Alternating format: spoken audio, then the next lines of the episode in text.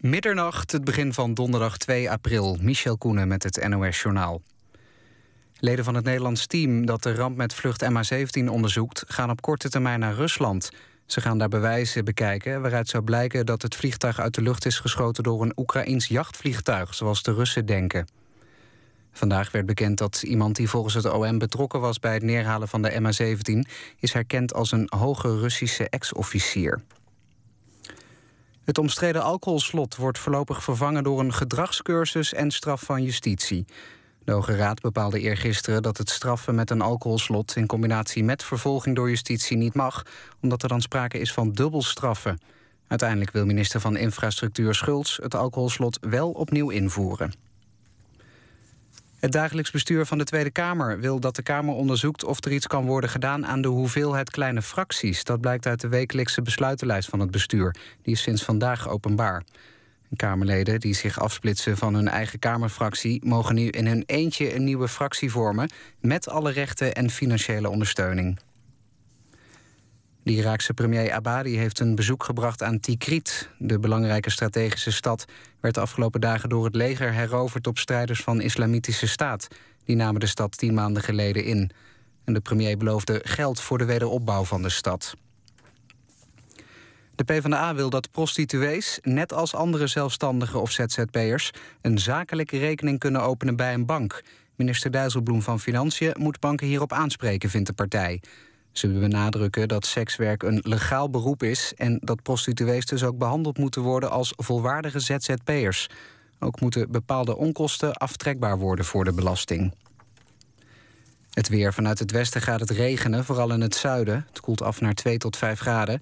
Overdag trekken de buien weg en schijnt de zon geregeld. Het wordt 8 tot 10 graden en de wind neemt af. Dit was het NOS Journaal. NPO Radio 1. VPRO. Nooit meer slapen.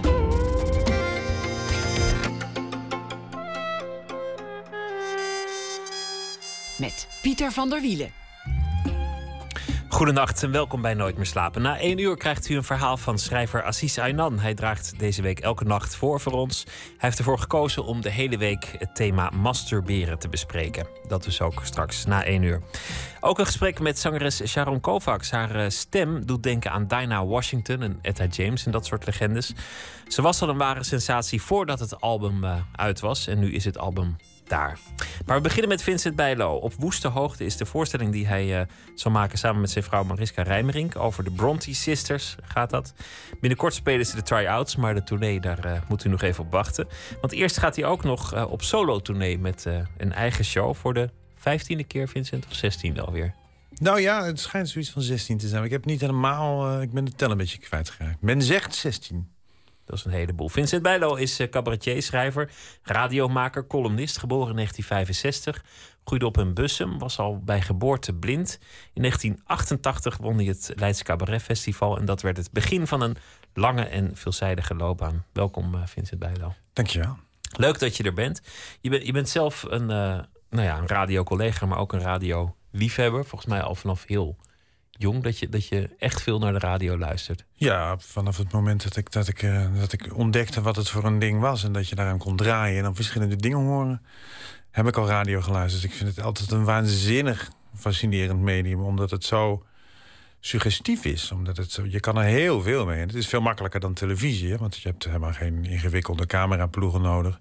Dus als je ergens een microfoon bij kunt hebben, dan ben je er al. En dan krijg je als luisteraar soms een veel beeldender beeld dan op de televisie. Omdat het daar echt in hapklare brokken aankomt. Want is televisie voor jou ook radio? Of, of hoor je wel. Nee, het veel is, televisie is heel anders. Juist, juist omdat het zo geënt is op het beeld, um, heb je.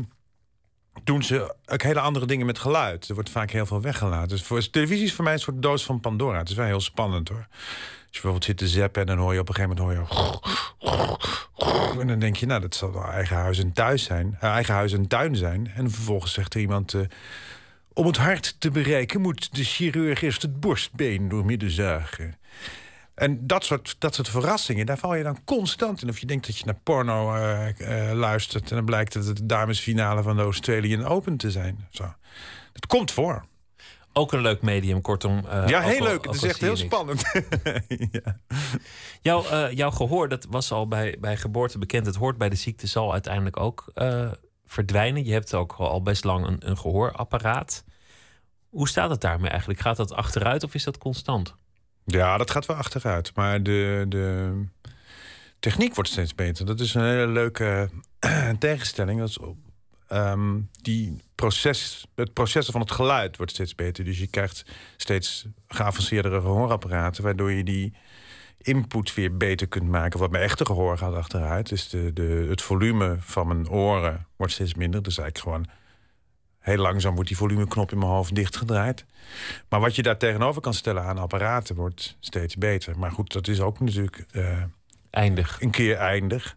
Maar dan heb je weer het zogenaamde cochleaire implantaat. Het is een, een, een soort versterkertje dat plug je meteen in je zenuw.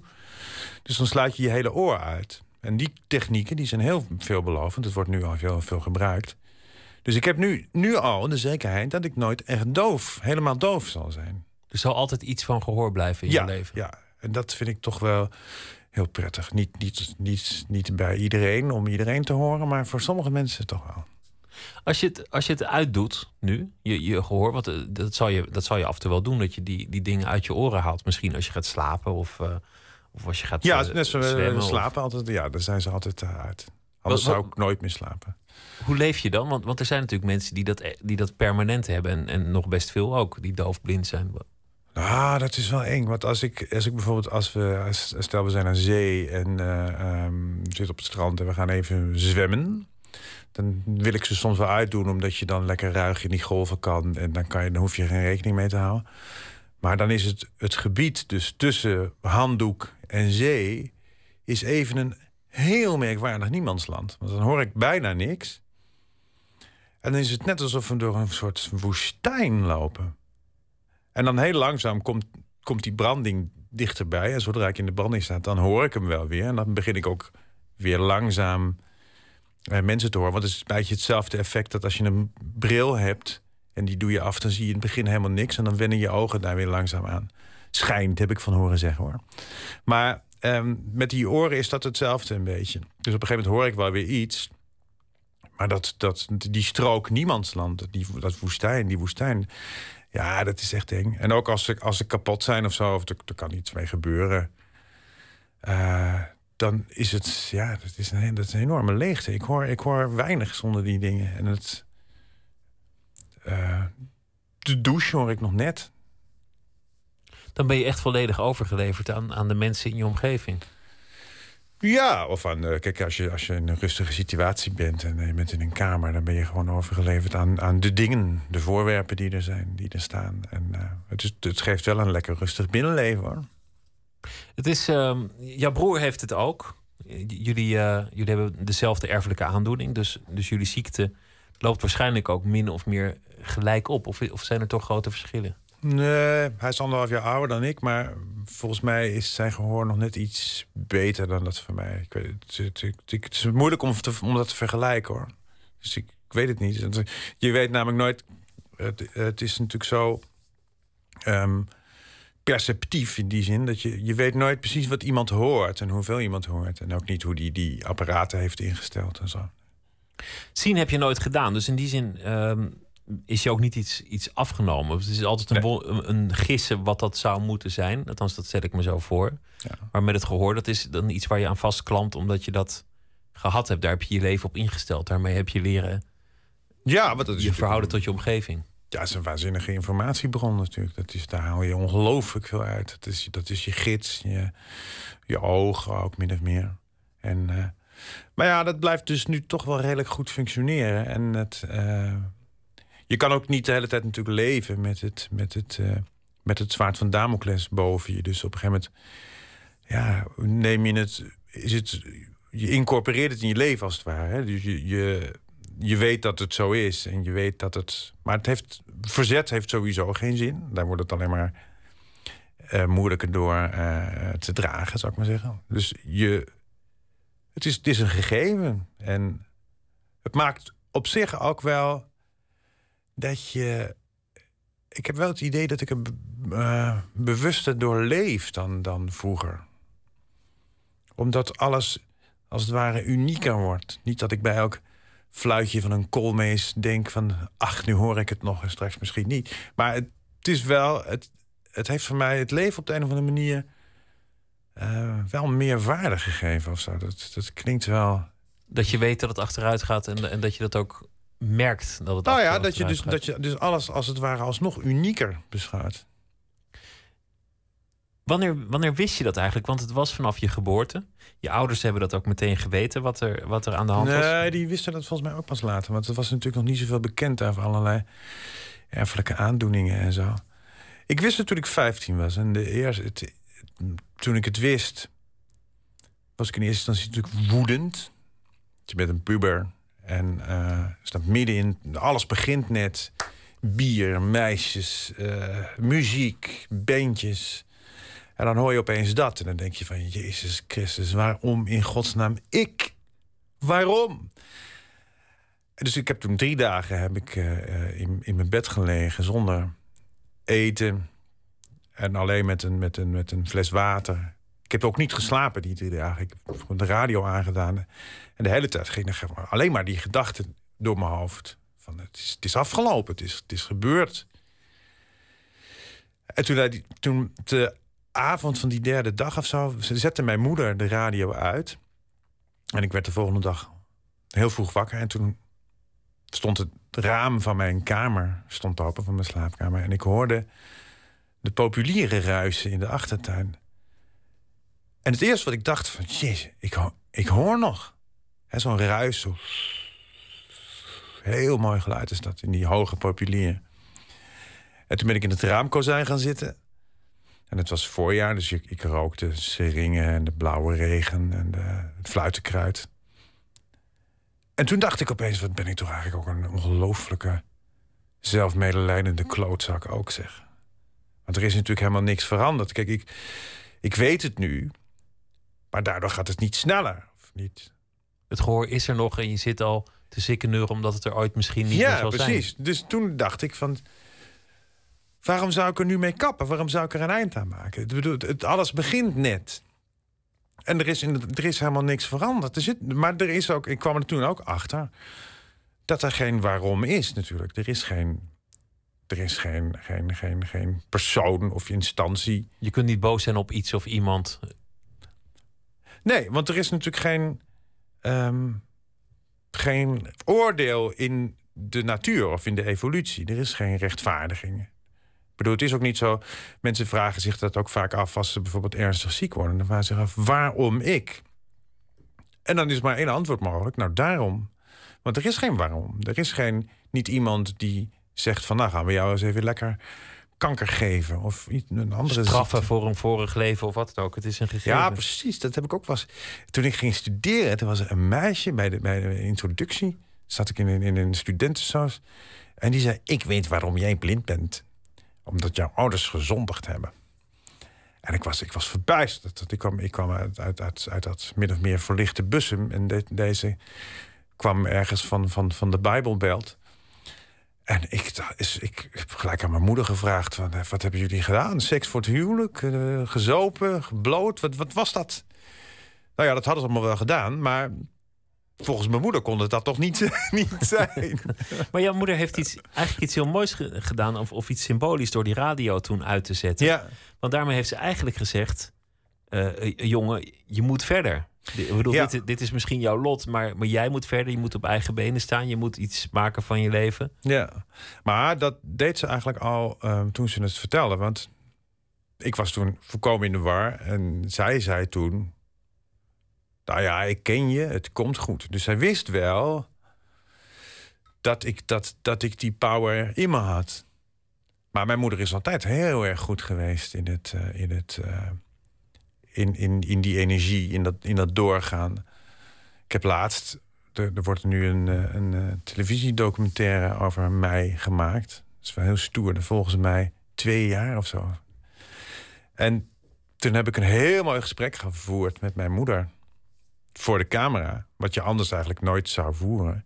En het ging over ja, de vraag van hoe, hoe is dat nou toch als je opeens een blind kind krijgt en daarna nog een? Hè, wat, wat gebeurt er dan met je? Wat, uh, bedoel, dat heb ik zelf natuurlijk nooit uh, ter sprake gebracht. Maar nu, voor de camera, vond ik dat wel mooi. omdat is... Het is ook wel een vraag. Het is natuurlijk, er zal teleurstelling in zitten, maar ook gewoon heel praktisch een, een, uh, een ja, maar die, die, probleem. Ja, maar die teleurstelling, daar was ik natuurlijk altijd wel bang voor. Omdat je... Um, als kind heb je natuurlijk de natuurlijke neiging dat je je ouders niet tot last wil zijn. Dat je, dat je, dat je, dat, je vindt het vreselijk als dingen aan jou liggen. Of als ouders zich. Of als ze niet blij met je zouden zijn. Ja, precies. Dat zou iets. Dus, dus het, uh, in die zin is het een moeilijke vraag. Dit is de, de, printer van het uh, kantoor hiernaast. Die hebben een printer hier gezet. Ja. Ik dacht dat het een plaatje was. nee, nee. Die, ze gaan nog het hele uur door. Maar je hebt het je moeder gevraagd of die teleurstelling er was. Ja, en die was er ook. Absoluut. Natuurlijk was hij er. Want je, je hebt, iedereen verwacht toch, min of meer intuïtief, dat er een perfect kind uit haar buik komt. En als dat niet gebeurt, is dat natuurlijk altijd een enorme teleurstelling. En wat zij wel hebben gedaan, mijn ouders, en dat vond ik wel verschrikkelijk mooi, is dat ze toen mijn broer geboren werd, aan, uh, die is anderhalf jaar ouder. En ze ontdekte dat hij blind was. Toen dachten ze van ja, wat het ook mag zijn, want die, die genetica was natuurlijk nog helemaal niet ontwikkeld. Ehm, we nemen sowieso nog een kind, of dat nou blind wordt of niet hij mag niet alleen opgroeien. En dat vond ik wel stoer. Dus, want dan ben je natuurlijk als tweede blinde... ben je eigenlijk al wel aanvaard. Want ze, ze hebben het risico genomen. Ze wisten dat het kon gebeuren. ja, hebben de kans gelopen dat het kon gebeuren. Het lijkt me ook moeilijk voor, voor de ouders van een blind kind... om, om los te laten omdat je, dat je het kind heel erg moet helpen. Om, omdat jij, ook als je hier de studio inkomt, moet, moet iemand toch even de stoel wijzen. Iemand moet je toch helpen, anders kom je er gewoon niet, niet zo nee, maar daar waren ze ontzettend goed in. Mijn in het loslaten. Ja, echt verschrikkelijk goed. Mijn, mijn, ik ben uh, in 85, 1985 ben ik met mijn broer gaan samenwonen op een, op een fletje in Utrecht, een driekamerfletje. En we hadden geen telefoon, we hadden niks. En we wisten zelfs de weg naar de supermarkt nog niet. En uh, wij zijn achtergelaten met een paar blikjes bier en een paar thuismenu's. En mijn ouders die zeiden, nou ja, bekijk het maar. En dat, was, dat vond ik zo stoer. Want mijn moeder die, die, die heeft later ook wel verteld... dat ze de hele nacht niet geslapen heeft en zo. Maar ze heeft het wel gedaan. En daarmee heeft ze jou toch zelfstandig gemaakt. Ja. Of in ieder geval gewezen wat het is om zelfstandig te zijn... en hoeveel voordeel dat biedt. Ja, enorm. Dat is, dat is gigantisch. Ik moest vorig jaar moest ik... Uh, voor een, voor een RTL-programma was er een, een blind stel... en die hadden een jongetje. En... Um, die was heel bang. Die was vier en die was, die was overal bang voor. En ze wisten niet zo goed wat ze, wat, ze nou, wat ze nou goed of verkeerd deden. Dan hadden ze mij gevraagd, wil jij een dag komen? En, en misschien ons eens een paar tips geven. Dus toen heb ik precies dat gezegd, wat jij nu zegt. Dat loslaten, dat is waanzinnig belangrijk. Want hij, hij laat hem maar gewoon in een klimrek klimmen. Het is geen kind dat zo veilig zal klimmen als een blind kind. Want die gaat eerst voelen, kan ik hierop staan? Is dit wat? Nou, verdomd, het ging ontzettend goed. En binnen een dag was het al een heel ander jongetje eigenlijk. Stevie Wonder is een van uh, jouw favoriete muzikanten, ook een van de mijne. Hij is uh, uiteraard ook blind. Hij kan ook niet ruiken. Hij heeft een auto-ongeluk gehad in, in de jaren zeventig, waarbij zijn, zijn geur en zijn smaak uh, verloren ging. Ook best vervelend. We hebben een, um, Oh, dat is een beetje zacht uitgedrukt. Ja, dat is uh, verschrikkelijk. Hij heeft, een prachtige plaat gemaakt in, in die uh, periode daarna, waar, waar, echt die verslagenheid uit blijkt. Maar dit is nog van daarvoor, 1972, het uh, album Talking Book. En het nummer heet Blame It on the Sun. En dan ga ik intussen die printer mollen. Oh ja, dat is goed.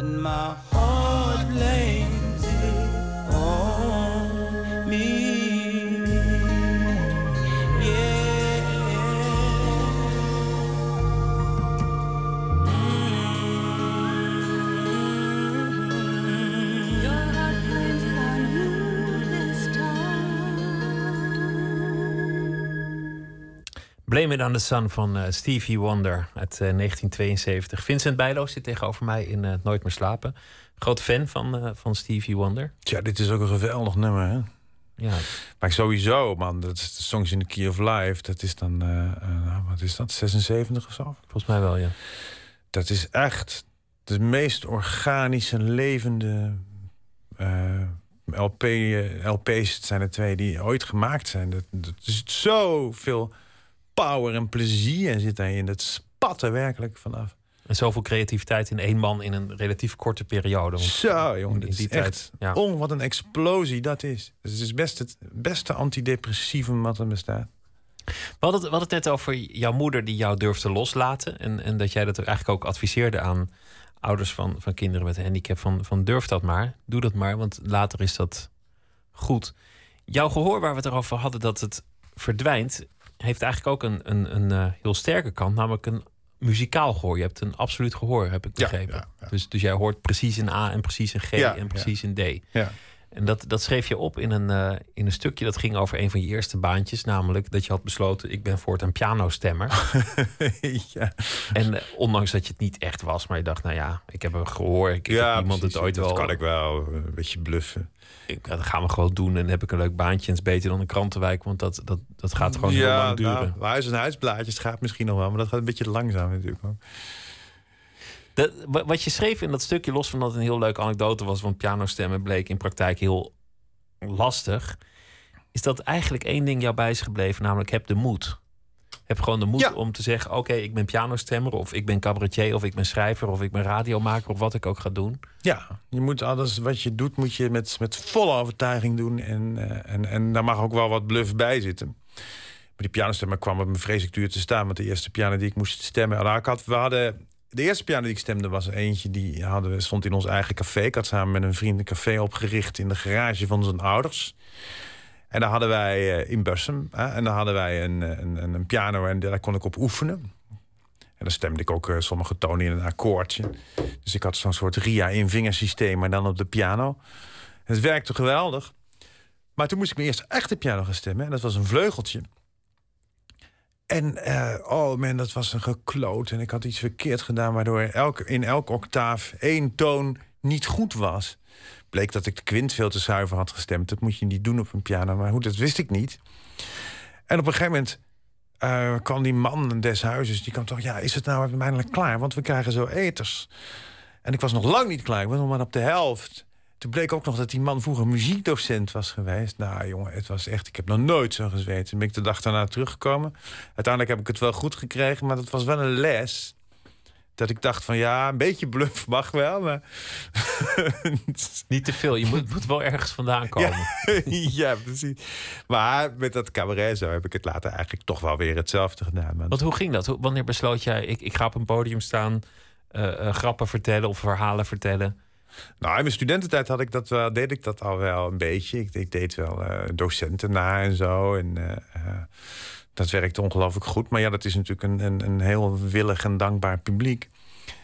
En toen hield de gehandicaptenraad, bestond tien jaar... die hielden een festivalletje.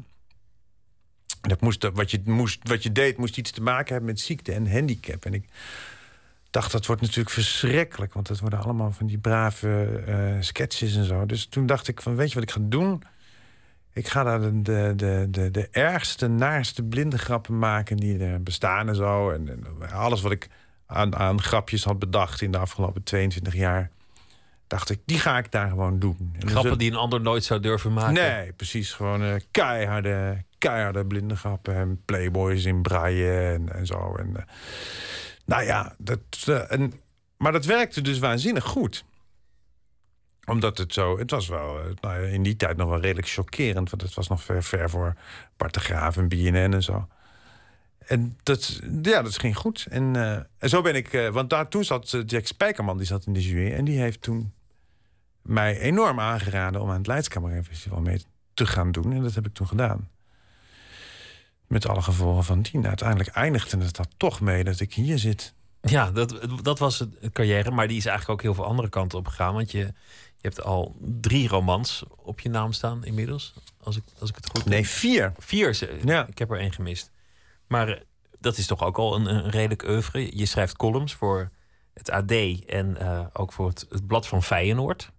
Ja, Feyenoord. Ja. Want Feyenoord is, is iets voor je. Nou, jij, eh, ja, want je mist niks als blinde als je het niet ziet, hè, dat voetbal van Feyenoord. Dat is natuurlijk een hele prettige club om voor te zijn. een grap waarvan ik me had voorgenomen om hem lekker niet te maken. Die, eh, maar die En dan doe ik het zelf.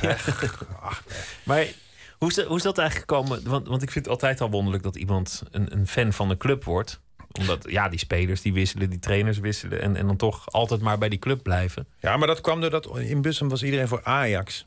En dat vond ik zo, zo, zo, ja, dat waren allemaal van die watjes, van die mietjes supporters... die allemaal na twee wedstrijden, als ze ze verloren hadden... dan moesten ze al huilen en dan schreeuwden ze dat de trainer weg moest. En ze moedigden die club ook nooit aan. Als Ajax achter stond, dan was het altijd muisstil in het stadion. Terwijl je dan pas moet je moet je, je club aanmoedigen. En dan moet de twaalfde man in actie komen.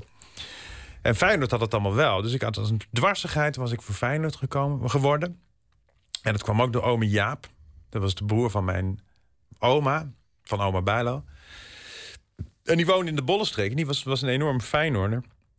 En die ging ook mee naar Europese wedstrijden in het buitenland en zo. En ik vond die man, ik vond het wel een le- leuke, stoere man.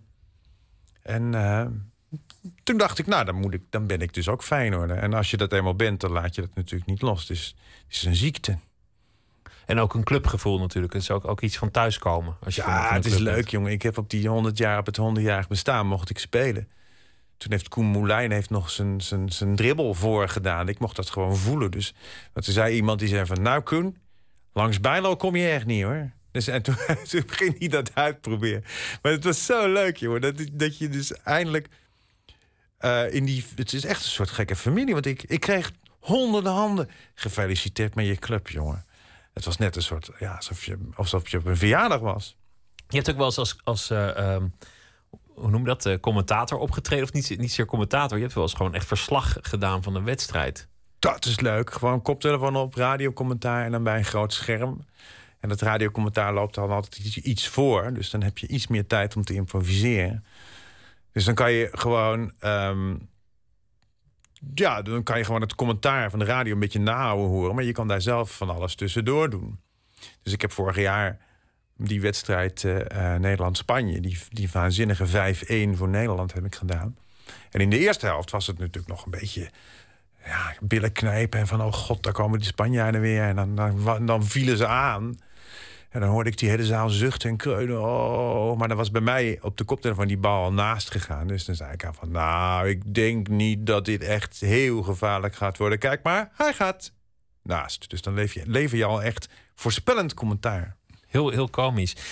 Je, in het begin maakte je heel veel grappen over, over het blind zijn. Maar later is eigenlijk vooral een andere kant van jou heel prominent geworden in, in zo'n beetje alles wat je doet. Dus namelijk, ja, hoe noem je dat? Eh, engagement, maatschappelijke betrokkenheid. Je, je, volgt heel erg het nieuws en, en je hebt heel erg een, een mening en een visie erover. En eh, bent, bent volgens mij tamelijk links. Eh, ja, ik ben, ik, ben, ik ben redelijk links. Wel. Was dat thuis ook al zo? Wa- Waren jouw ouders eh, heel erg maatschappelijk eh, Ja, jongen, wij hadden gigantische discussies aan tafel. Ja, mijn, mijn, eh, mijn vader was, was, was, was een, een, een, een socialistische atheïst. die katholiek was geworden voor mijn moeder. Dus dan als je dat Wat bij een, elkaar wat een ravage. ja. Ja, maar zo handelde die ook altijd. Hij, eh, nou ja, dat gedoogde hij dan wel, maar dat, nou ja, dat, dat, daar had hij eigenlijk verder ook helemaal niets, niks mee. Hij vond de, de paus vond hij erger dan Hitler en Stalin bij elkaar. En dat, dat liet hij ook niet na om dat steeds te zeggen. En eh, nou, hij kon ook nog wel redelijk drinken. Dus met elk, elk glas werd hij dan ook rechts. Het was, hij begon als PvdA'er. En, en, en soms was, je, was hij aan het eind... Zat hij, zat hij ver voorbij de PVV die nog lang niet bestond. Als de alcohol zijn werk had gedaan, dan kwam- kwamen de ware dat- ja, opvattingen. dan, dan naar werd hij steeds rechtser. Nou, of dat de ware opvattingen waren, weet ik niet. Nee, dus ik, ik denk dat hij van nature toch wel... Ja, hij was wel heel, heel links. Want hij heeft ook voor ons, voor Marcel en mij... heeft hij ook heel veel... ehm, ja, dingen aangevraagd en zo. En vond hij dat, hij echt, dat de staat dat maar moest regelen. En eh, vond hij dat wij daar gewoon recht op hadden. En zo. Nou ja, hij was, hij was wel echt overtuigd PvdA, ja. En jij dan grappen maken? Want, want, want dat lokt dat natuurlijk uit. Een, een linkse vader die dan na een paar borrels ineens rechtse praat uit begint te slaan. en die er hele ferme meningen op nahoudt. Ja, daar moet je natuurlijk iets tegenover stellen. Ja, en dan, dan is humor volgens mij het beste wapen. Ja, dat wel. Maar humor met dronken mensen, dat werkt weer niet zo goed. Dus dat moet je ze ook maar vaak gelijk geven. Hè, dan was het eerst van de Amerikanen, wat is dat een klotenvolk? Dan was hij nog links. En dan, eh, eh, ja, en dan, dan op een gegeven moment werden het de Chinezen. Wat is dat een klotenvolk? Die moeten allemaal tegen de muur. Zei ik, nou, pap, ze hebben een hele lange muur daar. Dus dan kunnen ze al, hè, dat vond hij dan wel weer grappig. En het eindigde dan zo'n avond dat wij eigenlijk de enige twee waren op de hele wereld, met die 5 miljard mensen, die deugden. En dan gingen we naar bed. Hij is een paar jaar geleden overleden, jouw, jouw vader. Een jaar of vijf Nou, geleden. Elf jaar geleden al. Elf jaar geleden Ja. alweer. Je hebt, je hebt dat in, de- in de voorstelling heb je daar eh, over gesproken. Over, over dat verlies van je, van je vader. Er was een periode waarin de een na de ander om jou heen dood leek eh, te vallen. Ja, ja, ja, eerst mijn vader en een maand daarna Bram van Meulen. En het rare was dat mijn vader ook een enorme fan van Bram was. En jij een, een, een hele goede vriend. Ja, en, en, en ook een, ik heb van Bram eigenlijk ook heel veel geleerd.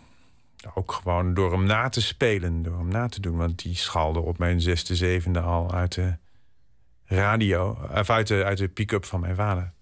En ik begreep daar natuurlijk helemaal niets van als kind. Maar ik vond het waanzinnig interessant. En ik, ik kon ook natuurlijk die, al die akkoordjes onthouden die die speelde. A7-akkoorden en zo. En, dat, eh, nou, jongen, dat, en op dat Fender pianootje. Dat vond ik geweldig. Wat een sound was dat. Dus dat ben ik altijd blijven nadoen. En toen ik eenmaal eh, iets, iets bekender werd en hem eh, ook ontmoette... ik ontmoette me voor het eerst op het Leidse Cabaret Festival. Want nadat ik gespeeld had, deed hij de entracte... en toen kwam de juryuitslag. Maar ik was... Het, voor, voor het ontmoeten van Bram was ik zenuwachtiger dan voor mijn eigen voorstelling. En ik vond het geweldig om die man te spreken. En om, om, om, om, om, eh, maar ik dacht, ja, wie ben ik nou helemaal? Ik bedoel, ik begin net een beetje te pingelen. Maar toen ontdekte ik heel snel dat hij precies hetzelfde was begonnen. Toen zij vijfde werden kameretten, Freek en Bram. Toen zij zijn vijfde geworden op kameretten. Toen, toen zat, zat Erik Herfst, die zat in de jury, cabaretier was dat. Die zei, eh, ja, die liedjes die zijn een beetje saai, want ze moduleren niet. En toen zei Bram tegen Freek, moduleren, weet jij wat dat is? Dus zo is Bram ook begonnen. Dus dat was voor jou ook, ook een, bijna een, een vaderfiguur. Ik bedoel, je vader was ja, nou, ik zag hem niet, niet heel vaak hoor. Maar we, we- onze ontmoetingen waren wel heel, heel intensief, zou ik maar zeggen. Dus dan hadden we enorme debatten over toonhoogte. Dus een, een maand voordat Bram doodging, hebben wij samen nog een workshop gegeven in België. En die ging precies over dat, over toonsoorten. Waarom bestaan staan bepaalde nummers in bepaalde toonsoorten? En ik had er eh, van elke toonaard twee genomen. één in majeur en één in mineur. Dus dan heb je 24 liedjes. En die zijn we gaan spelen. En dat, toen zijn, ben ik gaan argumenteren waarom dat zo is. En dan krijg je ook hele rare dingen. Als je Dancing Queen van ABBA niet in A speelt, maar in, in E... dan is het bijna een treurmars. Of als je het Wilhelmus in plaats van in G in, in Bes speelt... dan herken je het nauwelijks. In een heel korte periode overleden ze allebei. Ehm, je mist ze waarschijnlijk nog steeds. Maar, maar Ja, op de een of andere manier was, was het ook iets dat jou zelf veranderd heeft. Op de een of andere manier heeft dat op jou heel veel invloed gehad. Ook in je werk, in, in je dagelijks leven, in, in alles. Dat, dat, dat schemerde althans in die periode heel erg door in, in eh, wat je erover vertelde. Ja, omdat je natuurlijk toch gaat, gaat. Je wordt wel met je neus opgedrukt eh, op de, op de, op de eindigheid hier op aarde gedrukt. Maar waar je, wat je. Je leert heel erg relativeren, veel meer. En je veel minder. ehm, het, het maakt je ego wat kleiner in die zin. En, je, je, je, je- ik kom ook steeds meer in een soort van eh, harmonie met de omgeving daardoor. In een soort van. Ik had bij mijn vader heel erg het gevoel toen die doodging van... Ja, die man heeft mij nu... eh, nu sta ik aan de, aan, aan de top, zou ik maar zeggen. Want ik ben nu de volgende generatie die zal gaan. Maar dat iemand zo verdwijnt in de eeuwigheid... op zo'n warme, zwoele augustusavond... dat is ook heel ontzagwekkend. Dat is... Omdat het niet te bevatten is. Het is natuurlijk niet... Heel merkwaardig. Een man met wie je gisteren nog kon praten. Die nog, waar nog grapjes mee kon maken. Dat die opeens weg is. Maar er toch nog is en altijd zal blijven. Want zijn, zijn indrukken zijn natuurlijk... de- de- Bram zei het al, dood ben, ben, je pas, ben ik pas als jij me bent vergeten. Dat is natuurlijk ook zo. Alleen, iemand wordt nooit ouder. Hij spreekt je niet meer tegen. Hij is niet meer dwars. Maar dat lijkt op wat je net zei. Toen, toen zei je van ja, waarom zou ik me boos maken over mijn verdwijnende gehoor... als ik nu nog de wind door de bomen kan horen waaien? Ja. Het, het maakt me alleen maar bewuster eh, van wat ik heb in het leven. Van, van hoe waardevol en bijzonder dingen zijn. En toen zei je ook, ik stel me niet de vraag van waarom gebeurt mij dit of waarom heb ik deze handicap. Want, want dat is gewoon zo. Het is een vraag die je niet moet stellen. Je haalde de anekdote aan van het meisje die, die zei dat komt omdat je ouders hebben gezondigd. Nou, dat soort Ja. hogere machten, daar, daar, eh, daar geloof jij niet in. Nee. Maar wat je nu zegt over, over het sterven van, van twee dierbaren is eigenlijk, eigenlijk hetzelfde. Ja. Van het, is, het is niet echt te bevatten, maar tegelijk ook wel iets ontzagwekkends. Is heel ontzagwekkend. En het maakt ook dat je... je je begrijpt het natuurlijk... eh, nou ja, nee, de dood is niet te begrijpen. Omdat die... die, die Dat je het leven niet begrijpt eigenlijk. Nee, precies. En, en, en, maar het maakt wel... Ja, het maakt je ook bewuster van het leven. Net als, net als dat gehoor. Of net als... Ja, al dat soort, dat soort ervaringen. En het... ehm, het, ma het, op de een of andere manier... Het, dat klinkt heel raar, maar op de een of andere manier is het ook wel een soort van geruststelling dat alles het bij jou nog doet. Hè? Dat het alles nog werkt en dat, dat alles nog doorgaat. En ehm, Dat jij niet in die kist ligt. ja, niet, niet in de zin van, van dat zij eerder zijn gegaan, maar dat. Ik vond het ook heel erg eh, prettig om vlak na de dood van mijn vader weer op te kunnen treden. Dat ik echt dacht van, hé, hey, nou doe ik het dus ook gewoon voor jou. Ik laat dus ook jouw stem nog klinken. En ik bewijs nu jou, postmortem, dat het, dat het niet voor niets is geweest. Al die duizenden euro's die je in mijn opvoeding heb geïnvesteerd. En eh, ja, dat is natuurlijk ontzettend, ontzettend leuk om, om, om dat dan door te geven. Maar met, Maar Bram, is het- met Bram was dat net zo. Met Bram ik- ook, want die heeft jou ook iets, iets gegeven wat je als het Ja, doorgeeft. en als ik bepaalde loopjes maak op de piano... of ik speel bepaalde akkoorden, dan denk ik... haha, dat, dat is gewoon Bram. Maar het is mooi wat hij zei: van, van je bent pas dood als, als niemand nog weet dat je bestaan hebt. D- daar zit wat in. Ja. Daarna waren jouw voorstellingen ook wat, wat filosofischer. Het, het ging vaak over eh, grote wetenschappelijke vraagstukken, de, de oorsprong van het universum, over eh, eh, de afstanden in het universum. Eh, het lijkt alsof er, alsof er die laag mede daardoor in, jou, in jouw werk is gekomen. Ja, dat, dat is ook wel zo. Maar dat weet je natuurlijk nooit of dat nou komt omdat je zelf... waar je mee bezig bent natuurlijk. Maar ouder wordt. Maar nou, ik, ik, ik, ik, ik, ik wil altijd. Ik, vroeger was ik een, een, een vrij. ehm, was, ik, was ik ook vaak van de grote meningen, ook, ook in de columns. En tegenwoordig denk ik vaak. De, ik ben niet milder geworden. Ik denk nog steeds heel erg eh, veel na over, over dingen en zo. Maar ik neem andere routes vaak. Omdat ik namelijk, als je met grote meningen komt, dan sla je heel veel deuren dicht. En weten mensen ook meteen waar ze aan toe zijn. En dan denken ze meteen van ja, ja, ja, ja nou, sodemiet er maar op met dat stomme linkse gedoe. Terwijl als ik omwegen neem en ik, en ik neem gangetjes die men niet verwacht. En ik maak deurtjes open waarvan men niet eens wist dat ze er waren. Dat is veel leuker. Want dan kom je, dan kom je, dan, dan, dan kom je opeens op plaatsen waar mensen niet verwachten dat je bent. Dat je zal zijn. En dan kan je dingen van andere kanten benaderen. Dan kan je. Dat is leuk. er wordt het ook vrolijker van. Ja. Ja, jongen, het is ontzettend leuk om te doen ook. Het is echt heel erg leuk om, eh, om op die manier zaken tegen het licht te houden. Je maakt ook wel eens ehm, eigen versies van nummers van anderen, of, of eh, vertalingen of, of bewerkingen. Een van die liedjes was eh, van Tom Waits, Soldiers Things uit eh, 1983. Je kijkt, eh, je, je kijkt een beetje van, goh, heb ik dat gedaan? Klopt, toch? Ja. ja, ja, ja. We, draaien het, eh, we draaien het origineel. Het, eh, we hebben best veel Tom Waits gedraaid recentelijk, maar eh, het is gewoon mooie, Ja. muziek, mooie muziek voor de nacht. Ja, prachtig. Hier is Tom Waits.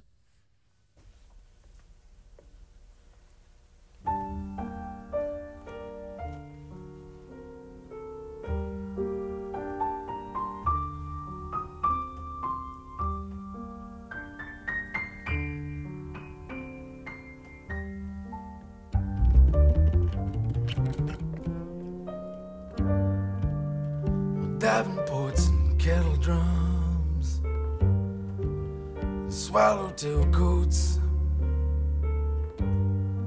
and tablecloths, and patent leather shoes,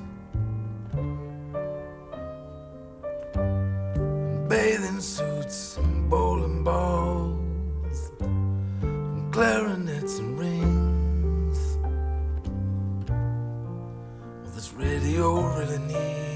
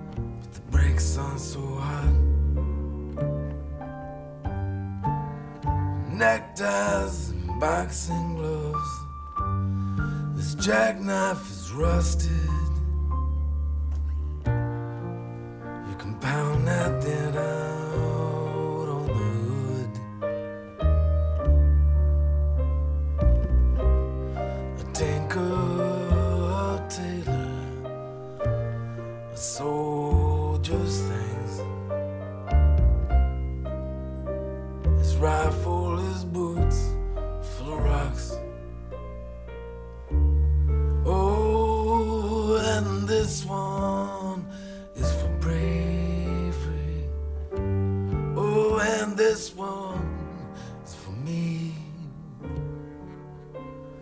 And everything's a dollar in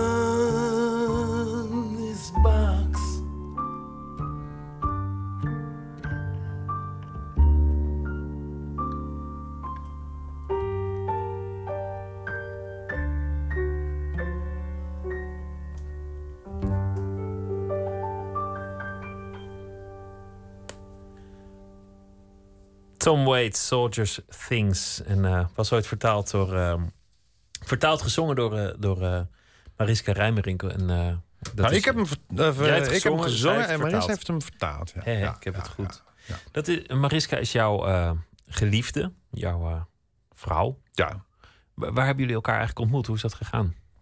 Dat ging via mijn broer. Mijn broer die, eh, ehm, die had een heel ingewikkeld Engels boek nodig. Engelstalig boek voor zijn studie muziekwetenschappen. En het was algemeen bekend dat Mariska zo... die sprak Engels alsof ze er vandaan kwam. Maar ze kwam eh, gewoon uit Nederland. Maar ze, heeft een fantastisch Engelse uitspraak. Echt een native uitspraak. En zij is toen bij ons thuis, want we woonden toen in dat driekamerfletje in Utrecht geweest... om dat boek voor hem in te spreken. Hij nam het dan op op cassettes. En ik viel meteen op haar stem. En s'avonds, als, hij- als ze dan weg was, dan jatte ik die bandjes uit zijn kamer en dan ging ik dat draaien. Ik snapte helemaal niets van dat boek. Heel ingewikkeld muzikologisch werk. Happin heette die schrijver. Uh, Google de misluisteraars. Happin. En, ehm, maar ik, die stem, die cadans, het ritme dat erin zat... en hoe ze de dingen uitsprak, nou, was geweldig. Uiteindelijk heeft het nog twee jaar geduurd voordat het aanging omdat ik niet durfde. En er waren er weer andere vriendinnetjes en bij haar andere vriendjes. Maar uiteindelijk is het toch gelukt. Het is je gelu- Hoe is het je gelukt? Of, of is dat, eh, zeg je nou, donder op van de wielen, dat gaat nou Nee, dat, aan? dat, dat, dat, dat, dat, dat mag men best weten. Het was, ik sprak meestal eh, samen met mijn broer af, met haar. En toen hadden we het eens een keer, Maris en ik, voor elkaar gekregen... dat we elkaar met z'n tweeën zagen. En toen is het ook meteen die avond aangegaan, bij haar thuis. En het ging volkomen vanzelf. Eigenlijk gleden we er gewoon in. En het werd steeds stiller.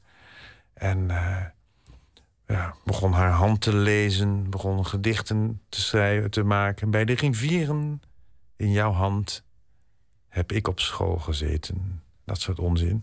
Maar dat werkte heel goed. Maar dit is de eerste keer dat jullie echt samen op tournee gaan. Nou, we hebben samen een voorstelling gemaakt.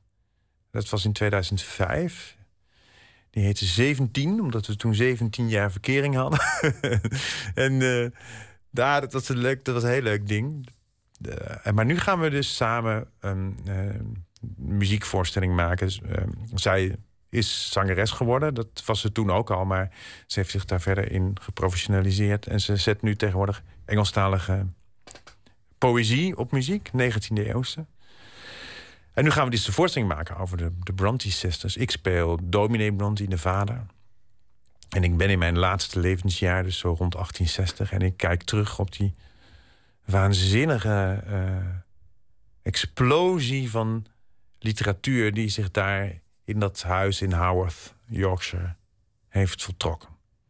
Want Mariska is, is echt ook wel een kenner volgens mij van, van Britse literatuur. Of in ieder geval Ja, een, een liefhebber. on- ongelooflijk veel van. Ja, en een enorme liefhebber. Zij heeft me er ook helemaal ingetrokken. Ja. We zijn ook in Howard geweest. Of we zijn in die, in die, in die parsonage geweest. Dat is het huis waar ze gewoond hebben. En we gaan heel vaak naar Engeland. Het is echt een geweldig land. Zoveel moois. En die Engelsen zijn ook zo goed in het, in het onderhouden van hun geschiedenis. En, en eh, ik ben ook echt door haar meegetrokken in, in, in de Bronte Sisters. In, in wat zij voor ongelooflijks hebben neergezet. Aan romans, maar ook aan poëzie. Maar die romans, Jane Eyre en, en, en eh, The Tenant of Whitefell Hall van, van Anne Bronte bijvoorbeeld. Het is echt het is een van de eerste feministische werken die er geschreven is. Wat een power zit daarin, wat een kracht. En dat zijn van die klassieke werken die, die al, al zo lang overleven. En ook nog waarschijnlijk heel lang zullen overleven. Die Ja. allerlei vormen terug Ja. zullen komen. Ja, omdat ze zo oorspronkelijk, zo origineel zijn. Wat, wat mij opviel bij hun... dat ze allemaal, Emily en, en Charlotte, alle drie... volkomen compromisloos schrijven eigenlijk. Dus dit, die, die, die karakters die ze neerzetten ook... daar zit geen, geen, geen graadje van wenselijkheid... van wat zal de lezer eh, prettig vinden bij. Het zijn allemaal ehm, hele uh, straighte mensen. Er zit ook niet, dat is pas later gekomen, die hele psychologische diepgaande lagen. Dat je dus ook nog zo'n denklaag eronder hebt zitten. Dat, dat is bij hun veel minder. Dat is in die 19e eeuw sowieso. Dat begint pas eind 19e eeuw eigenlijk. Met de Van Edes en de Marcellus Eemans bij ons en zo. Dan begint dat pas echt te komen, dat die, die, die diepere lagen erin komen. Maar die, het is zo sterk geschreven, zo origineel. En daarom blijft het ook altijd. Vond je het eng om, eh, om, om samen te gaan werken met je, met je liefde? Want jullie zien elkaar thuis, jullie delen een heel Ja. leven... en jullie hebben allebei je eigen loopbaan... en om dat dan samen te brengen en samen een tour te boeken. Nou, ik vond dat toen in 2005, vond ik dat wel een, wel een, eh, een, eh, een, een nou, eng misschien niet, maar ik vond het wel een waanzinnig experiment. Omdat ik, ik wist helemaal niet hoe dat precies ging uitpakken. Omdat ik was altijd gewend om alles alleen te doen. En het voordeel van alles alleen doen is dat er maar één iemand is die het kan verpesten. En dat ben ik zelf. En nu zou ik het ook voor haar kunnen verpesten. Of zij voor jou. Of zij voor me. ja, zij voor mij. Ja, maar ik dacht zeggen, altijd ja. van ja. Nee, maar ik dacht altijd van ja, dat, maar ik heb zoveel ervaring, daar kom ik dan wel weer uit. Maar ik vond het wel, ja, ik vond het, eh, ik vond het, eh, ik vond het een heel ander iets dan, dan zelf, dan mijn eigen voorstellingen maken. Maar het is heel goed uitgepakt. En deze voorstelling, ja, kijk, nu zijn we het gewend natuurlijk. Want in mijn vorige voorstelling, Enkeltje Mars, had ze ook een kleine rol. En eh, ja, dat, ik ben er nu volkomen aan ge- aan gewend. Jullie, eh, jullie werken toch al samen, want jullie maken ook liedjes... en jullie, jullie maken ook voor de pret dingen samen. Kan je je voorstellen dat er misschien ooit een andere vrouw in jouw leven zou zijn? Nee, nou niet. Eh, nee, nee, niet zolang zij er, zij er is. Mocht ze mij verlaten, dan, dan misschien eh, wel. Maar ja, dat is allemaal puur hypothetisch. Ik hoop niet dat ze dat, eh, dat, ze dat gaat doen. En zeker niet nu ze dat hoort, dat ze denkt van... hé, hey, dat is Idee. Een aardig idee. Nee. maar jullie, jullie, jullie hebben ook wel eens jullie liefde bezongen op het podium. bijna als Ja. ja. in euforische termen, bijna Yoko Ono-achtige Ja, ja, ja, ja. ja. eh, eh, taferelen. ja. Ehm, wa- wat, wat is zij voor jou? Behalve, ja, gewoon je liefde. Misschien, misschien zijn daar verder geen woorden aan te geven, maar valt te omschrijven? Nou, zij is gewoon wel een, een, een, een waanzinnige inspiratiebron. En eh, ze is ook een. Ik heb er ook wel eens, ik heb ook wel eens een liedje geschreven. Het licht. Het licht ligt slapend naast me en het ademt licht. En het schijnt nooit verblindend, altijd zacht op mijn gezicht. Dus in die zin is ze dan ook wel. Is zij ook wel mijn ogen, mijn zicht. Dat is ze echt ook. Ook in steden en zo. Ja, ik was wel op reis gaan. En, eh, Je hoort de wereld door haar stem eigenlijk. ja, Want- ook. Maar ook, eh, ik zie ook de wereld door de manier waarop zij naar schilderijen kijkt. Wij kunnen bijvoorbeeld samen in een museum zijn. Ja, dat vind ik heel prettig om met haar in een museum te zijn. En gewoon haar aan te raken terwijl zij die schilderij bekijkt. En ook te voelen wat iets met haar doet. Hè, hoe, ze, hoe ze reageert. En dan kun- kan ze dat ook onder woorden brengen. Dat hoeft niet meteen als zij naar de schilderij kijkt. Ik kan heel goed met haar een half uur zwijgend door een museum lopen. Dit vind ik heel mooi. En wat vond je dan mooie tentoonstellingen recentelijk? Nou, we zijn bijvoorbeeld in de Tate eh, Modern naar Rothko geweest. En dat, eh, die Four Seasons eh, schilderijen die daar hingen, die die voor dat restaurant heeft gemaakt. En dat, als je daar vlakbij bent, dan voel je ook echt dat die, dat die doeken, die, die geven energie. Of, of, die, die, of die inspirerende mensen die daar dan bij zijn om, om, om energie te geven. In ieder geval, je voelt dat daar iets gebeurt, dat, er iets, dat daar iets uitkomt. En wat zegt Mariska dan? Want, want dat is nog best moeilijk te omschrijven. Nou ja, in ziet. eerste instantie zegt ze niets. En, en, en, en eh, is ze gewoon zo diep onder de indruk. En kijkt ze. En dan kunnen we er. Het is ook eigenlijk soms zonde om in zo'n situatie te spreken. Laat het dan maar gewoon zo zijn. Jij voelt dan aan haar ademhaling en Ja. haar, haar zwijgen dat het, dat het prachtig Ja, is. of haar temperatuur, of haar eh, warmte. En dan, dan kan dat ook best als we weer naar buiten gaan. Of als we ergens iets gaan drinken. Of, eh, Want je werd verliefd op haar stem in eerste instantie. Dus het is ook wel mooi als, als het zicht tot jou komt via die stem waar je zo verliefd op werd. Ja, dat is het ook. Dat is het, dat is het. Maar haar stem is ook zo vreselijk muzikaal. En zo. eh, dat, dat, dat is al, ook al praat ze, dan is het nogal. eh, dan is het meteen al muziek. Maar als jij wakker wordt 's ochtends, dan, dan is zij degene die jou. Of, of weet je in je eigen huis wel zonder enige hulp de, de, de douche en de koffiezet eh, ja, daar ken ik elk plekje. Dat is. eh, Dat gaat vanzelf. Maar Ja, de deur uit, dan, dan, dan moet of Mariska of iemand anders... die zal daar toch bij moeten zijn op de een of andere manier. Ja, nou ja, weet je, dat, dat, eh, ik, ben nu in de gelukkige omstandigheden dat ik, dat ik iets te besteden heb. Dus ik, ik doe ook veel met, met de andere chauffeurs en zo, en taxis. En, dus ik, ik kan overal zelfstandig heen. Eh, maar maar is, dus ook, eh, is, is er natuurlijk heel vaak. En, maar dat moet wel een heel vanzelfsprekend iets zijn. Laatst zei ze ook eh, op een dag van... het moet niet zo zijn dat ik vanzelfsprekend jou overal maar naartoe breng. En toen dacht ik, ja, dat is natuurlijk ook wel zo. Dus daar moet ik ook echt zelf rekening mee houden. Dat je in die zin de relatie op, op de een of andere manier ook gelijkwaardig houdt. Ja, ja. En dat zij niet, dat zij niet mijn loopmeisje is. Maar het lijkt me ook niet iemand die daar, die daar zelf makkelijk in zou stinken om iemand Nee, dat is, dat is ook wel zo. Maar je moet het wel, je moet het wel echt goed, goed bijhouden. Dat je ook niet in die patronen vervalt. De voorstelling die ehm, gaat eerst te zien zijn in het uh, Beauforthuis. In, Ja. eh, waar- waar- hoe heet het ook weer? Ehm, In Austerlitz. Austerlitz. Austerlitz. Ja, in Austerlitz. Bij Zeist op zondag Mooie- 5 april. Mooie groene omgeving. Daarna gaan jullie volgend jaar ermee op tournee. En jij gaat vanaf september eh, zelf op tournee met je, met je eigen nieuwe show. Ja, het nieuwe nu gaat hij heten. En intussen blijf je ook columnist voor eh, het tijdschrift van Feyenoord. Ja en, eh, hoor. En voor Tadé en zo. En, voor Tadé. gaat En, alles, eh, ja. en alles gaat, alles eh, gaat gewoon door. Alles gaat gewoon door. En, Ja. en durf je al te zeggen of, of het eh, een vervolg krijgt om, om samen te werken met, eh, met, met, met Mariska? Oh, ongetwijfeld op de een of andere manier. Maar er, er zijn altijd zo ongelooflijk veel verschillende projecten. Eh, maar dat gaan we natuurlijk, dat gaan we absoluut eh, voortzetten. Maar ehm, dit is ook een hele leuke vorm dat ik ga spreken en zij zingen. En eh, ja, ik ben heel benieuwd hoe het gaat. Ik ben ook eh, benieuwd hoe dat, hoe dat zal, eh, zal gaan en hoe het jullie eh, zal vergaan om dat, eh, om dat te gaan doen. Ik wens je daar heel veel eh, succes mee. Dankjewel. Dankjewel, Vincent Bijlo, dat je te gast wilde zijn. En eh, de titel van de voorstelling is Woeste Hoogte. En die is eh, binnenkort dus te zien in het uh, Beauforthuis in Austerlitz. Dankjewel. Jij bedankt, Pieter. Zometeen eh, gaan we verder in eh, Nooit meer slapen met eh Assis Aynan. Hij is eh, schrijver. Hij schrijft deze week elke dag een verhaal voor ons. En eh, zo doet hij dat ook eh, vandaag. En dat verhaal dat gaat over eh, masturberen. Want hij heeft eh, gekozen om eh, dat als thema te nemen deze week. ook een gesprek met... Een goed thema, toch? Ja, hoe lang hebben we nog? Kan ik nog één kleine anekdote vertellen? Over masturberen, ja, ga je gang. Nou, nee, ja, ik, ik, ik hoorde gisteren Jan Pietersen, een dichter, die zei eh, dat hij met een psycholoog had gesproken. En die eh, zei dat eh, Achterberg drie keer masturbeerde per dag en dat hij daarom opgenomen was. Waarop Jan Pietersen zei: Drie keer masturberen, dan ben ik dus een groter dichter dan Achterberg.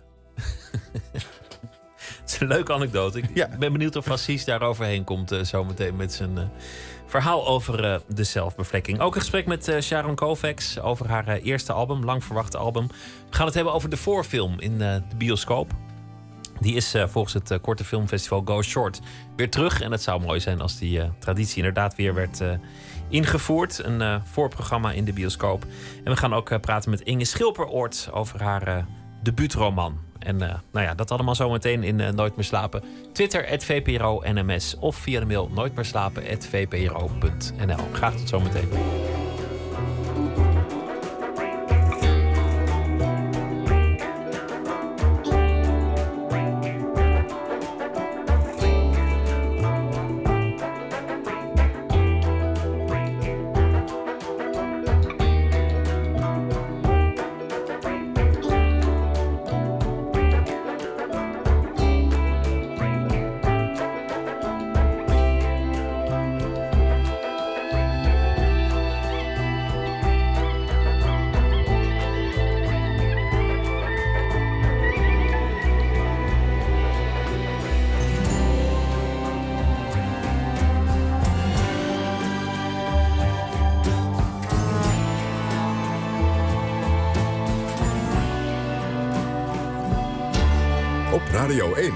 Het nieuws van alle kanten.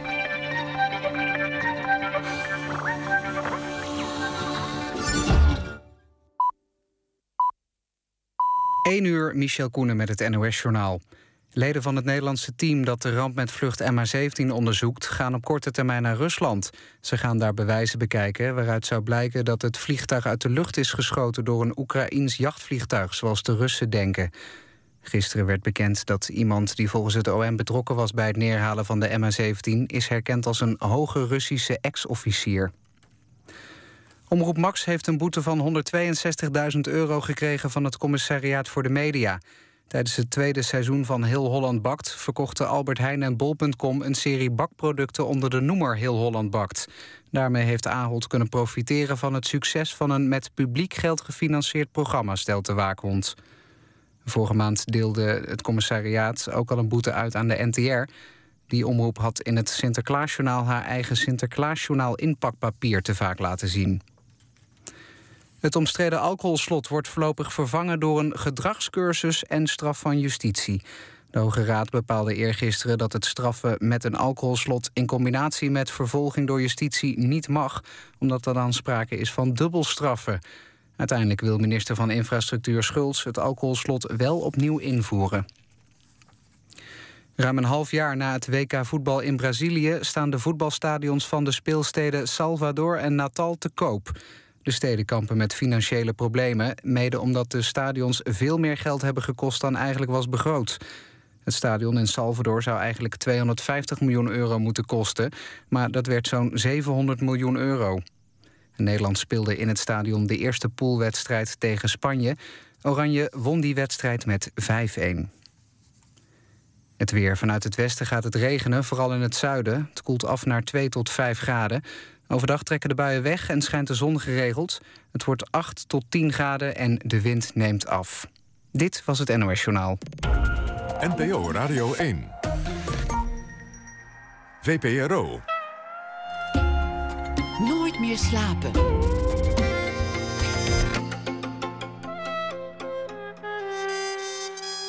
Met Pieter van der Wielen.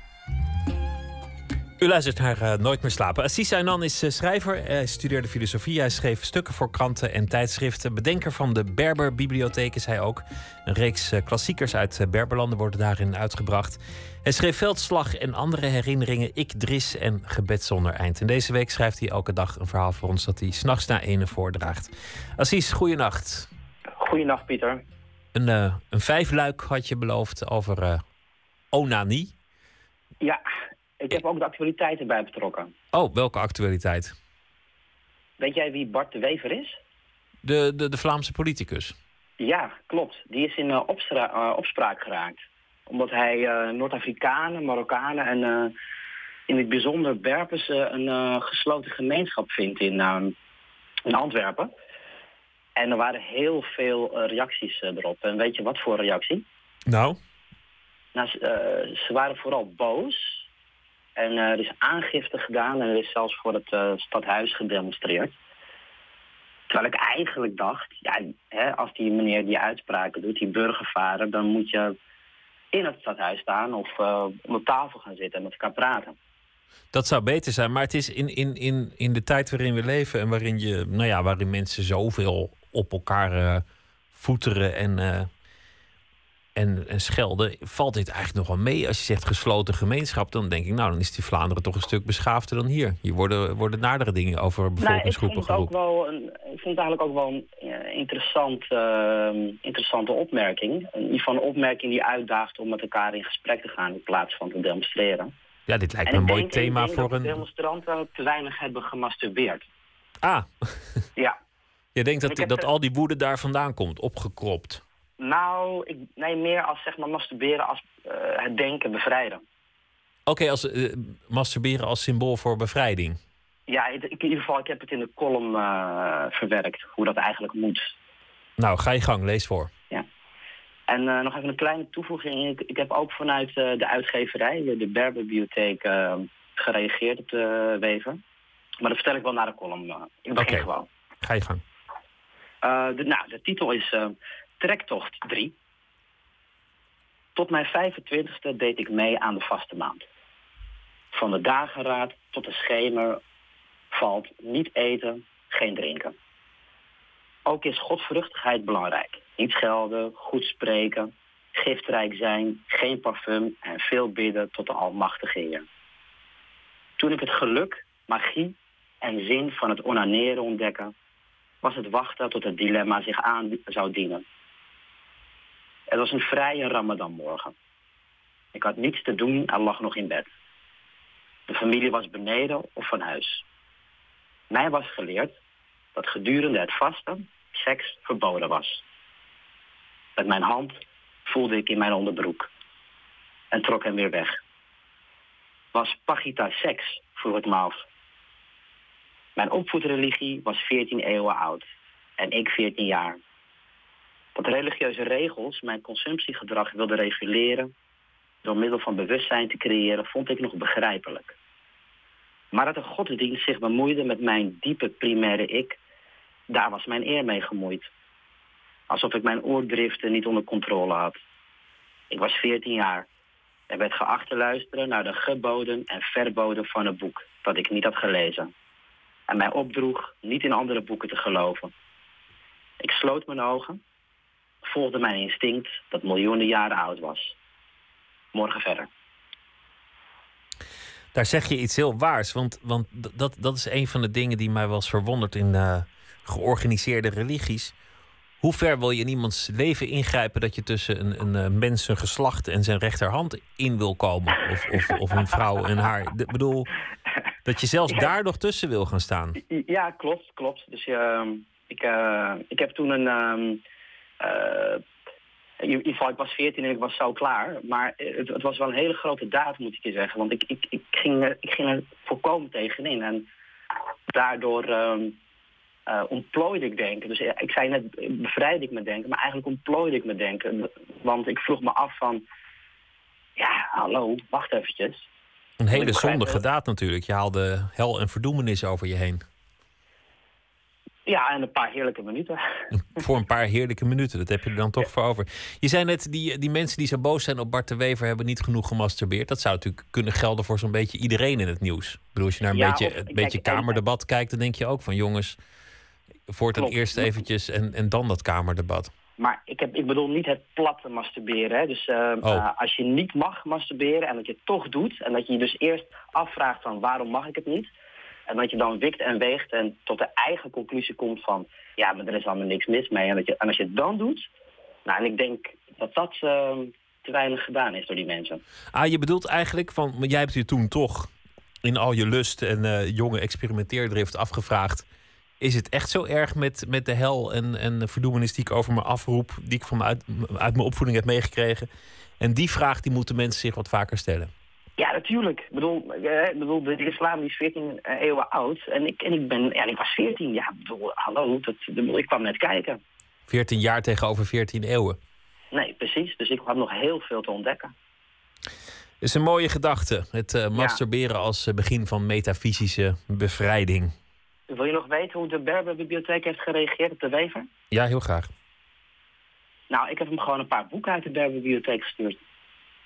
Om te laten zien wat voor gemeenschap het is en of, of dat gesloten is of niet. En eh, dat hij het gewoon via de literatuur kan leren kennen.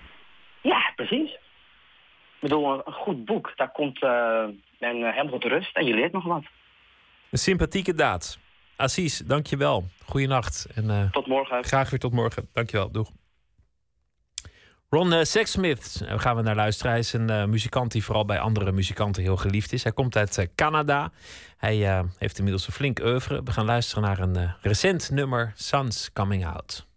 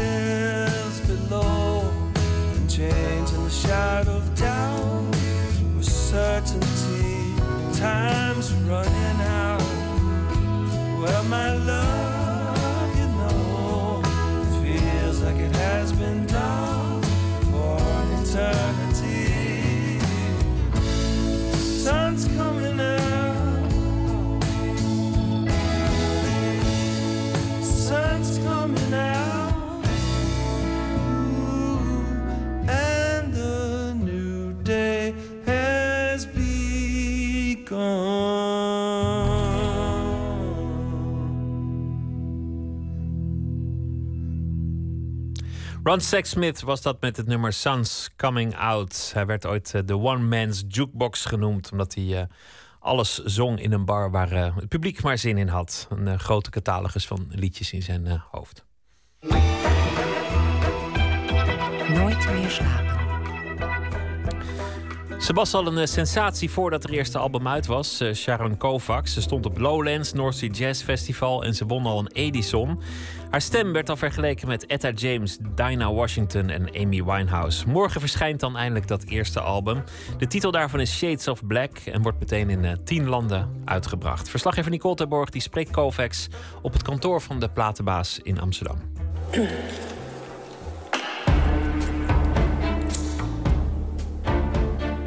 Dat is misschien ook wel wat ik mis tegenwoordig in de muziek en in de mens.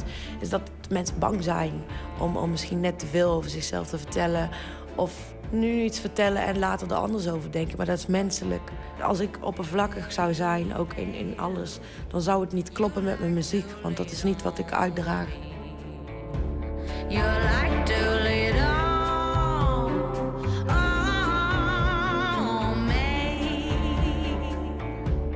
wil een carrière. Ik wil eh, een carrière met mijn muziek en ik, ik- met, met, met hetgeen wat ik maak, compromisloos. En ehm, ja, dat, dat zou ik heel graag willen.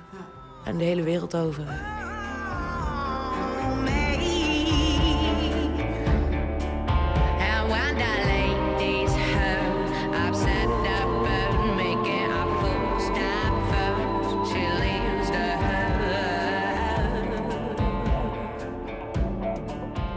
De cd is eh, bombastisch, dynamisch, hè, van klein naar groot. Ik hoor oude soul, maar ik hoor ook eh, een beetje muziek uit spionagefilms. eh, orkesten, weet je, het vol geluid. En de songteksten, die zijn ook wel een beetje donker. Heel verhalend. Van moord tot bedrog. Hè, tot mannen die je heeft vermoord in Fifty Shades of Black. Tot over liefde en jouw liefde voor muziek. Dat je eigenlijk alleen de muziek hebt. Zijn de teksten heel autobiografisch? Ja, heel erg. Het is wel realistisch, maar ook weer niet helemaal. Ik bedoel, het vermoorden van mannen is natuurlijk eh, iets wat ik niet, eh, niet in het dagelijks leven zo zou doen. Maar het is vooral heel erg gebaseerd op gevoelens en op frustratie. En gewoon, het is eigenlijk de afgelopen drie jaar en daarvoor een beetje. Een soort van verhaal van wat ik wil vertellen. En, en, en ook moet vertellen om het zeg maar een soort van een plekje te geven. Dus het is eigenlijk heel autobiografisch en het werkt voor mij eigenlijk ook heel ehm, therapeutisch, zeg maar. Het schrijven van, eh, van nummers. En over het algemeen, het is vrij donker. En, eh, maar dat klopt eigenlijk ook wel bij mij, want eh, ik vind het, eh, ja, ik, als ik ergens mee zit of ik heb iets of iets, dan, dan, dan op de een of andere manier moet ik dat toch in, in mijn muziek weer kwijt. Still, I can't say what he wants from me. So now I just wait home in bed. And when I think of us, I'm sad. I'm just in the mood. I'm in Ik kom soms in situaties terecht waar ik eigenlijk ten eerste niet hoef te zijn. Ja, misschien ook wel soms waar ik niet wil zijn, of, eh, maar waar ik wel doorheen ga. Dus de foute mannen, die heb ik toch wel aardig een paar eh, gehad, zeg maar. En eh, op de een of andere manier dan ga ik daar zo heen. En dan ben ik ook daarna misschien ook wel boos of whatever. En dan, ja, dan moet ik dat kwijt. En ik kan dat niet kwijt door te communiceren of door... eh, ja, maar wel, dat kan ik dan weer kwijt in een song. En ik leer er ook heel erg van. Ik weet dan de volgende keer dat ik daar niet heen moet. Maar ja, het is allemaal een beetje... Ik weet niet. Het hoeft allemaal niet, maar ik, ik, zo zit ik nou mee in elkaar. En het is nou keihard gezang en hoog. Ze moeten weer Ja. onderkoeld. Dan moet er niet zo'n stress zijn over Nee, de daarom, is- kankermicrofoon. Ja, maar die is nou aangesloten. Het is iets voor mij heel persoonlijk. Het is voor mezelf. Het is iets wat ik. Het is het enige wat ik altijd gehad heb en wat van mij was. En als iemand daar commentaar op heeft, op wat voor manier dan ook, natuurlijk is dat pijn. De documentaire Wolfleden hè, van eh, Daan eh, Willekens. En de film was te zien op ITVA en is te zien op 25 april op NPO 3. En in de film hoor ik jou dingen zeggen als van... eh, ik heb hier alles op gezet. Eh, dit is het enige dat echt van mij is. En dan heb je het over muziek. Welke druk leg je op jezelf en op de muziek die je maakt? Een hele grote druk. Maar ehm, kijk, het gaat uiteindelijk om wat ik eruit haal. Of- ik mijn geluk eruit haal. En voor mij is dat het aller, allerbelangrijkste. En nog even, hè, in een filmdocumentaire heb ik het weer over. Hè. Daar zien we heel veel kanten van jou. Ook je destructieve kant, ook drugs, ga maar door. En op een gegeven moment zeg je ook van... eh, ja, ik wil nu niet meer bij Club 27 horen. Hè. De Ja. grootheden die op eh 70-jarige leeftijd eh, overleden zijn. Amy Winehouse, Jimi Hendrix, Kurt Cobain. Eh, mensen zeggen altijd heel vaak tegen mij... van Sharon, eh, je gaat toch wel ouder worden dan 27? En dan denk ik altijd van ja, ik vind het zo bizar. Want ik, wat ik ook zo zonde vond bij anderen... bijvoorbeeld bij, bij Janis Joplin, bij Amy Winehouse... bij weet ik, zoveel anderen... Dat, dat het dan al zo snel ophield. En eh, ik, kijk, nee. maar waar komt het vandaan? Ja, meer als een grap, maar ik, ik zou heel graag heel oud willen worden. En, en, eh, Maar waarom, waarom stellen mensen die vragen aan jou? Hè? Dat jij dan... eh jij gaat toch niet bij de Club 27 horen? Omdat ik denk ik ook zoveel... eh, Omdat mijn muziek zo persoonlijk is, denk ik. En, en dat ik daar toch zoveel van laat afhangen. En dat het... Nou, ik ben niet meer zo zelfdestructief als dat ik in het begin was op... op ja, in de docu. Hoe was het om jezelf terug te zien? Confronterend. Het is... eh, ja, dit, is denk ik de beste therapie die ik ooit heb gehad. eh. ja, je ziet, je ziet gewoon alles van jezelf. Ik bedoel, je, ja, soms dan denk je over situaties, dan hebben mensen het over. En dan, en dan in één keer zie je jezelf in die situatie. En dan is het toch anders.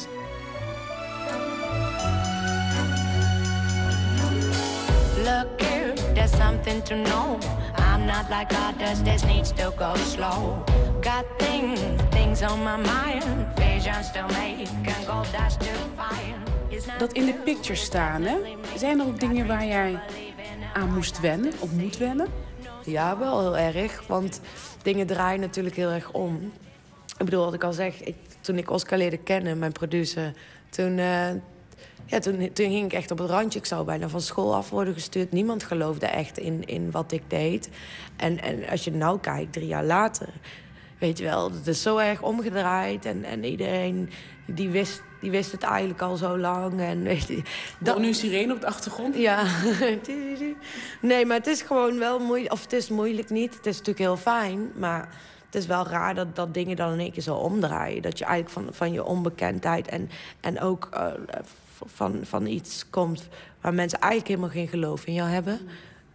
Dan nu ineens eigenlijk al lang wisten dat je het in je had. Weet je wel. En dat, dat vind ik nog moeilijk, maar wel heel fijn ergens. Maar nog steeds moeilijk. eh, ja, wel. Vind je het moeilijk om te ontvangen? Ja, dat vind ik heel moeilijk. Ja. Vooral, ik vind het sowieso moeilijk om, om complimenten te ontvangen en eh, positieve dingen. Maar ja, maar dat vind ik, ja, dat, dat, dat, dat maakt het allemaal een beetje ja, jammer dat, dat, soms, dat, dat het dan soms. eh, dit, dat mensen dan toch echt resultaat nodig hebben om te kunnen zien dat wat erin zit, zeg maar. From Nina to Ella, Ella to Bessie, Bessie to Attica, Marilyn with me. Nina to Ella, Ella to Bessie, Bessie to Attica, Marilyn with me. I'm digging, I'm digging it out.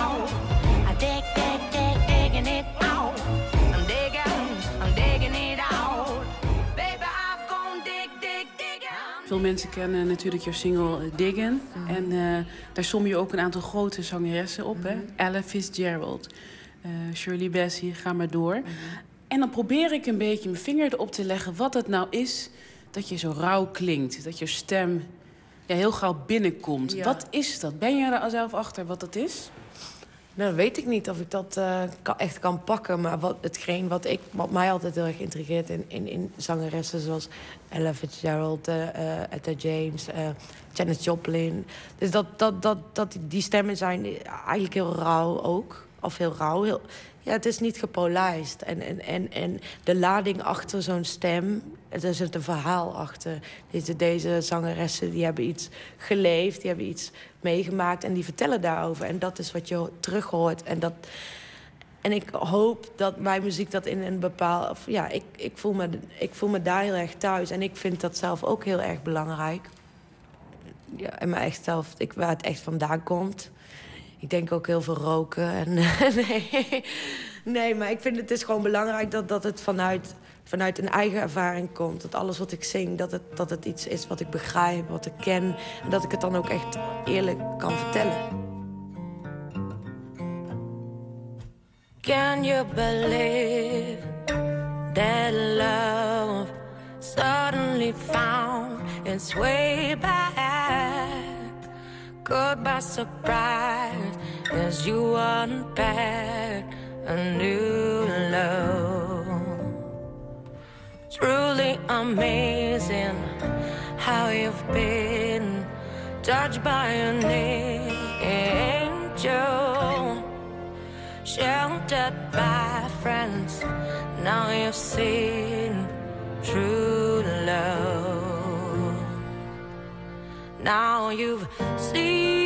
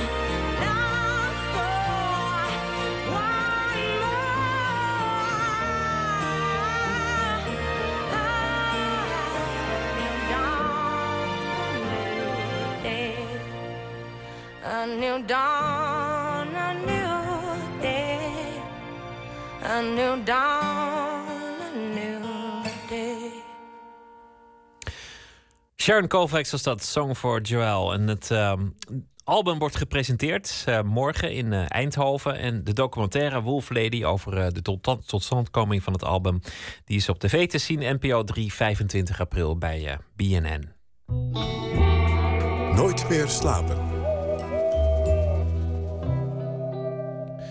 Het was vroeger een eh, mooie traditie. Ergens is die verloren gegaan, maar eh, vanaf vandaag is die traditie hopelijk weer terug. De voorfilm, een eh, voorvertoning bij de bioscoopfilm. Het korte filmfestival Go Short heeft dat vandaag bekendgemaakt. Vanavond draaiden voor het eerst hun eigen voorfilm in verschillende filmhuizen en bioscopen door het hele land. Botte Jellema is onze nachtcorrespondent en hij dook in dit onderwerp. Goeienacht, Botte. Dag Pieter. Is die eigenlijk, eh, ja, je hebt heel veel commercials, dat weet ik, en dan heel veel voorstukjes. Maar is, is de echte voorfilm helemaal weg? Nou ja, en ook weer nee. Eh, ja, omdat het fenomeen dus inderdaad heel erg weinig meer voorkomt. En eh, nee, omdat de filmhuizen er eigenlijk altijd wel een klein beetje mee zijn doorgegaan. Volgende week begint dat festival waar je het net over had. Go Short Film Festival in Nijmegen. Festival dat zich echt richt op de korte film. Ze voeren al jaren actie om die voorfilm weer een veel prominentere en vaste plek te laten krijgen in de bioscopen. Voor het, eh, vertoon, voor het vertonen van die, eh, van die hoofdfilm. Eh, en vandaag hebben ze daar een nieuwe stap in gezet met hun eigen film. En dat markeerden ze even door te verklaren dat de korte film weer terug is. En vanaf vandaag hebben ze dus ook een eigen voorfilm in, in de bioscopen. Dat, dat was deel van het lanceren. Welke is dat? Ja, dat is de film met eh, een beetje verwarrende titel Voorfilm. Ehm, het is een eh, film van eh, zes minuten. En eh, dat gaat ook over film kijken. Het is dus een voorfilm die voorfilm heet. Het is gemaakt door kunstenaar Douwe Dijkstra en het klinkt zo. Als iemand eh, niet fatsoenlijk zijn chips kan opeten, dan zeg ik er wel wat van. Dus ik ben gewoon liever thuis. Dan kan ik af en toe even op pauze drukken. Hij bewegend beeld, ik ben ervan overtuigd, het doet je heel veel. dat zit toch, toch in, in de mens eigenlijk van, ja, dat, dat willen we wel graag. En, en toch heeft de Heer gezegd van, nee, ik wil dat je tot eer van mij leeft en tot, tot het beste voor de naaste. Nou, en hierbij zie je dan eh, animaties, eh, gefilmde beelden gecombineerd met computerbeelden, eh, miniaturen zie je. Je ziet de mensen die je net hoorde, die zie je niet in beeld, maar Douwe heeft daar dus beelden bij verzonnen. Het gaat razendsnel en je kan zo'n filmpje ook gerust drie keer zien en steeds weer nieuwe dingen daarin ontdekken. Het is eh, grappig en het is ook een, wel vernuftig. Eh Douwe Dijkstra die werkt eh, vaak op deze manier. En eh, op deze manier van animeren en filmpjes maken. Maar hierbij heeft hij toch iets nieuws gedaan. Namelijk ervoor kiezen om mensen eerst te interviewen. Normaal dan script hij alles helemaal. Dan schrijft hij alles helemaal uit hoe hij dat wil. Maar nu ging hij erop uit om mensen te ontmoeten en microfoon voor hun neus te houden. En dan vroeg hij naar hun ervaringen met het filmkijken. Hij legde dat vanavond aan de telefoon zo uit. Ik ben op zoek gegaan naar allerlei mensen om te interviewen. En eigenlijk is het project een beetje begonnen als een radiodocumentaire, zou je kunnen zeggen. Dus ik ben echt begonnen met alleen het geluid. Ik heb ook van de interviews alleen het geluid opgenomen.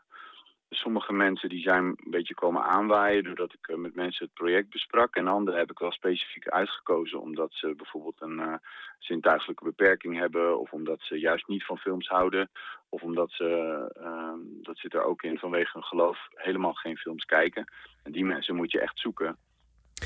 Maar dit is ook bijna documentaire als je zo te werk gaat. Want als je mensen interviewt, dan, dan kan je dat volgens mij niet goed scripten. Althans, dat, dat wordt niet leuker.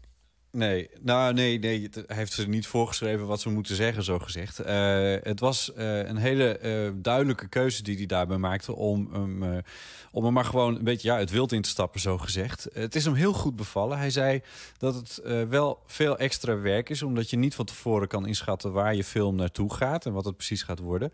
Ehm, je hebt geen idee waar je mee terugkomt, maar je krijgt er soms ook zomaar iets prachtigs voor terug waar je helemaal niet op had gerekend. Zo heeft hij bijvoorbeeld echt een prachtige scène eh, over de aftiteling. Er was een man en die sprak ontzettend lang over aftiteling. We hebben wel een half uur over aftitelingen gepraat. En, en, en dat hij daar heel erg van hield. Dat hij dan zelf een beetje eh, namen terug herkende. Die man had echt een soort eh fetish voor eh, aftitelingen.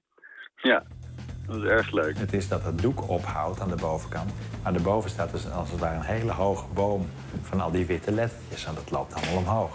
Dat vind ik een hele fascinerende gedachte. Allemaal van die onzichtbare titelbomen uit bioscopen steken. Zo het universum in. En nou heeft het eh, korte filmfestival Go Short dus ja, min of meer verklaard dat die voorfilm terug is. Allereerst, waarom willen ze dat zo graag, een, een film voor de echte film? Ja, nou, dat heeft een paar redenen. Ehm, iedere maand bieden ze het, eh, het, het festival dus. eh, uit hun archieven pakken ze dan een film en die bieden ze aan een korte film aan de filmhuizen. En die kan dan eventueel worden vertoond voordat de hoofdfilm begint. Zo proberen ze dat erin te krijgen. Ehm, ze zien het als een leuke verrassing voor de filmbezoeker. Die, ja, als je daar eh, naar een bepaalde film gaat en je wordt in, krijgt ineens iets voorgeschoteld eh, waar je anders misschien helemaal niet op af was gekomen, dan is dat natuurlijk leuk. Het zijn vaak ook wat kunstige filmpjes. Ehm, en ergens is het natuurlijk ook wel een promotie voor een festival. Daar doen ze verder ook niet heel erg ingewikkeld over. Maar het dient ook nog een ander doel. Ik heb vanmiddag even gebeld met de directeur van het festival, Kirsten Ruber. Voor de filmmakers is het natuurlijk de allerbeste kans om hun film ook aan een groot publiek te vertonen op het grote doek. Dus het is een win-win situatie voor drie partijen. Dus wij dachten, dat gaan we, dat gaan we goed doen. De filmhuizen doen al min of meer mee, maar de commerciële bioscopen nog niet zo eh, enorm. Waarom eigenlijk niet? Want je, je zou kunnen denken misschien dat ze daarmee echt nieuw publiek kunnen werven. Ja, daar werken ze wel aan, zo vertelde Kirsten mij. Eh, maar er is zware concurrentie op dat ene specifieke moment voor de hoofdfilm.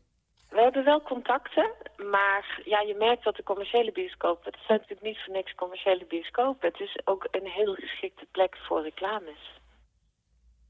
Ja, nou ja, voorlopig dus wel in de filmhuizen. Eh, als je daar de komende tijd naar de bioscoop gaat... dan heb je dus een hele grote kans dat je die voorfilm van Douwe Dijkstra eh, te zien krijgt. Nou hadden we het er aan het begin over dat het vroeger zo'n rijke traditie was. En, en eh, als ik me niet vergis, hebben heel veel hele beroemde filmmakers zelf nog voorfilms voor hele beroemde films gemaakt. En dat zijn films die dan af en toe nog wel vertoond worden, maar de voorfilms daarvan, die zie je eigenlijk nooit meer. Dat zou best een idee Nee. zijn om daar een keer een, een voorfilmfestival voor te organiseren. Ja, nou, ik denk dat je dan bij Go Short, eigenlijk een, eh, dat filmfestival in Nijmegen van volgende week, eh, dat je daar een heel eind kan komen. Want het, klopt wat je zegt. Eh, je, je gaat niet voor een film van zes minuten naar de bioscoop. Dus je moet het echt een beetje verzamelen dan op een of andere manier. Want anders dan, ja, dan verdwijnt het natuurlijk iets blauwe hinein. Of je moet het echt als voorfilm gaan vertonen voor de eh, films die het- voor, voor de, de, de hoofdfilm waarvoor het publiek eh, eigenlijk komt. Ja, soms gebeurt het wel bij, bij oude films die wil, ver- vi- wil- weer vertoond worden, van, van Truffaut of dat soort mensen, dat, dat dan de voorfilm erbij ook wordt vertoond. Maar heel vaak wordt die ook bij een hervertoning tegenwoordig gewoon overgeslagen. Wat, wat eigenlijk Ja, jammer is. De film die, die echt bij de hoofdfilm hoort, bedoel je? Ja, die ooit daarvoor bedoeld was als het, als het voorprogramma. Nou, ik hoop dat het lukt. Dat het, eh, het zou sympathiek zijn, een voorfilm.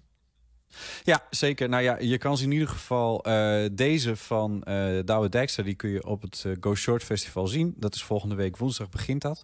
En daar heeft hij een iets langere versie die, dan die nu standaard in de bioscopen draait. Dan maakt hij een versie van 10 minuten. En die doet ook mee met de competitie van Go Short. Dus vanaf woensdag zou je hem daar kunnen zien. Dankjewel, Botte Jellema. Graag gedaan. We gaan luisteren naar eh, folkmuziek uit eh, Ierland, Dublin. Daar vandaan komt eh, de band The Villagers. Eigenlijk is het een project van één man, Conor O'Brien. Hij maakt zijn eigen versie van de folkmuziek. Zijn derde album staat op het punt te verschijnen, Darling Arithmetics. En daarvan draaien we vast één nummer, Courage.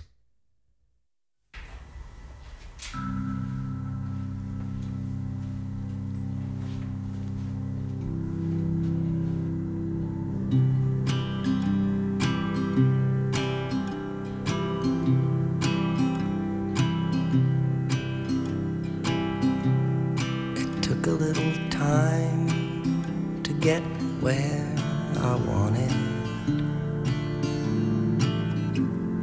It took a little time to get free.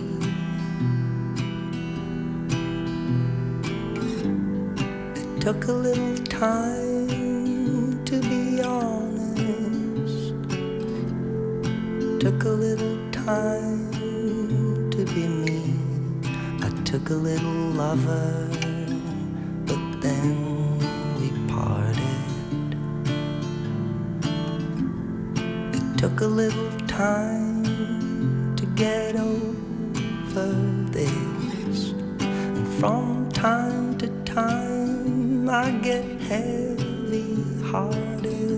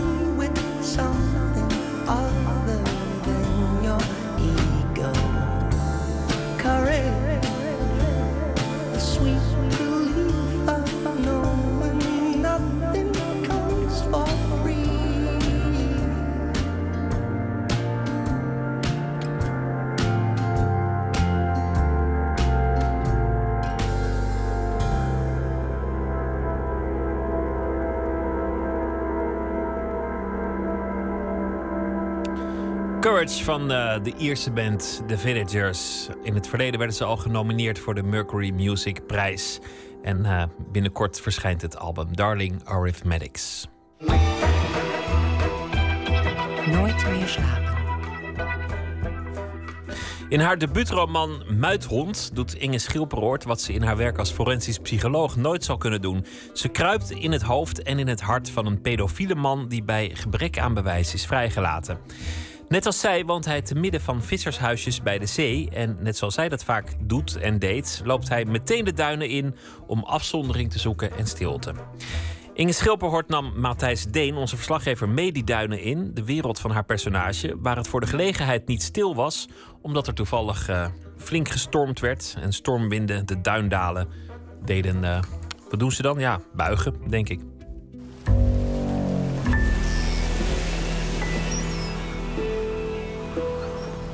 Het is voor mij wel een omgeving die ik natuurlijk goed ken. En die ik ook associeer inderdaad met, eh, nou ja, met, met rust en stilte. Maar tegelijkertijd ook met heel veel onrust. En natuurlijk de enorme stormen die je hier eh, mee kan maken. En de zee. En... Dus ik denk dat het wel in die zin klopte dat hij ook zo verbonden is met de zee en de, en de duinen.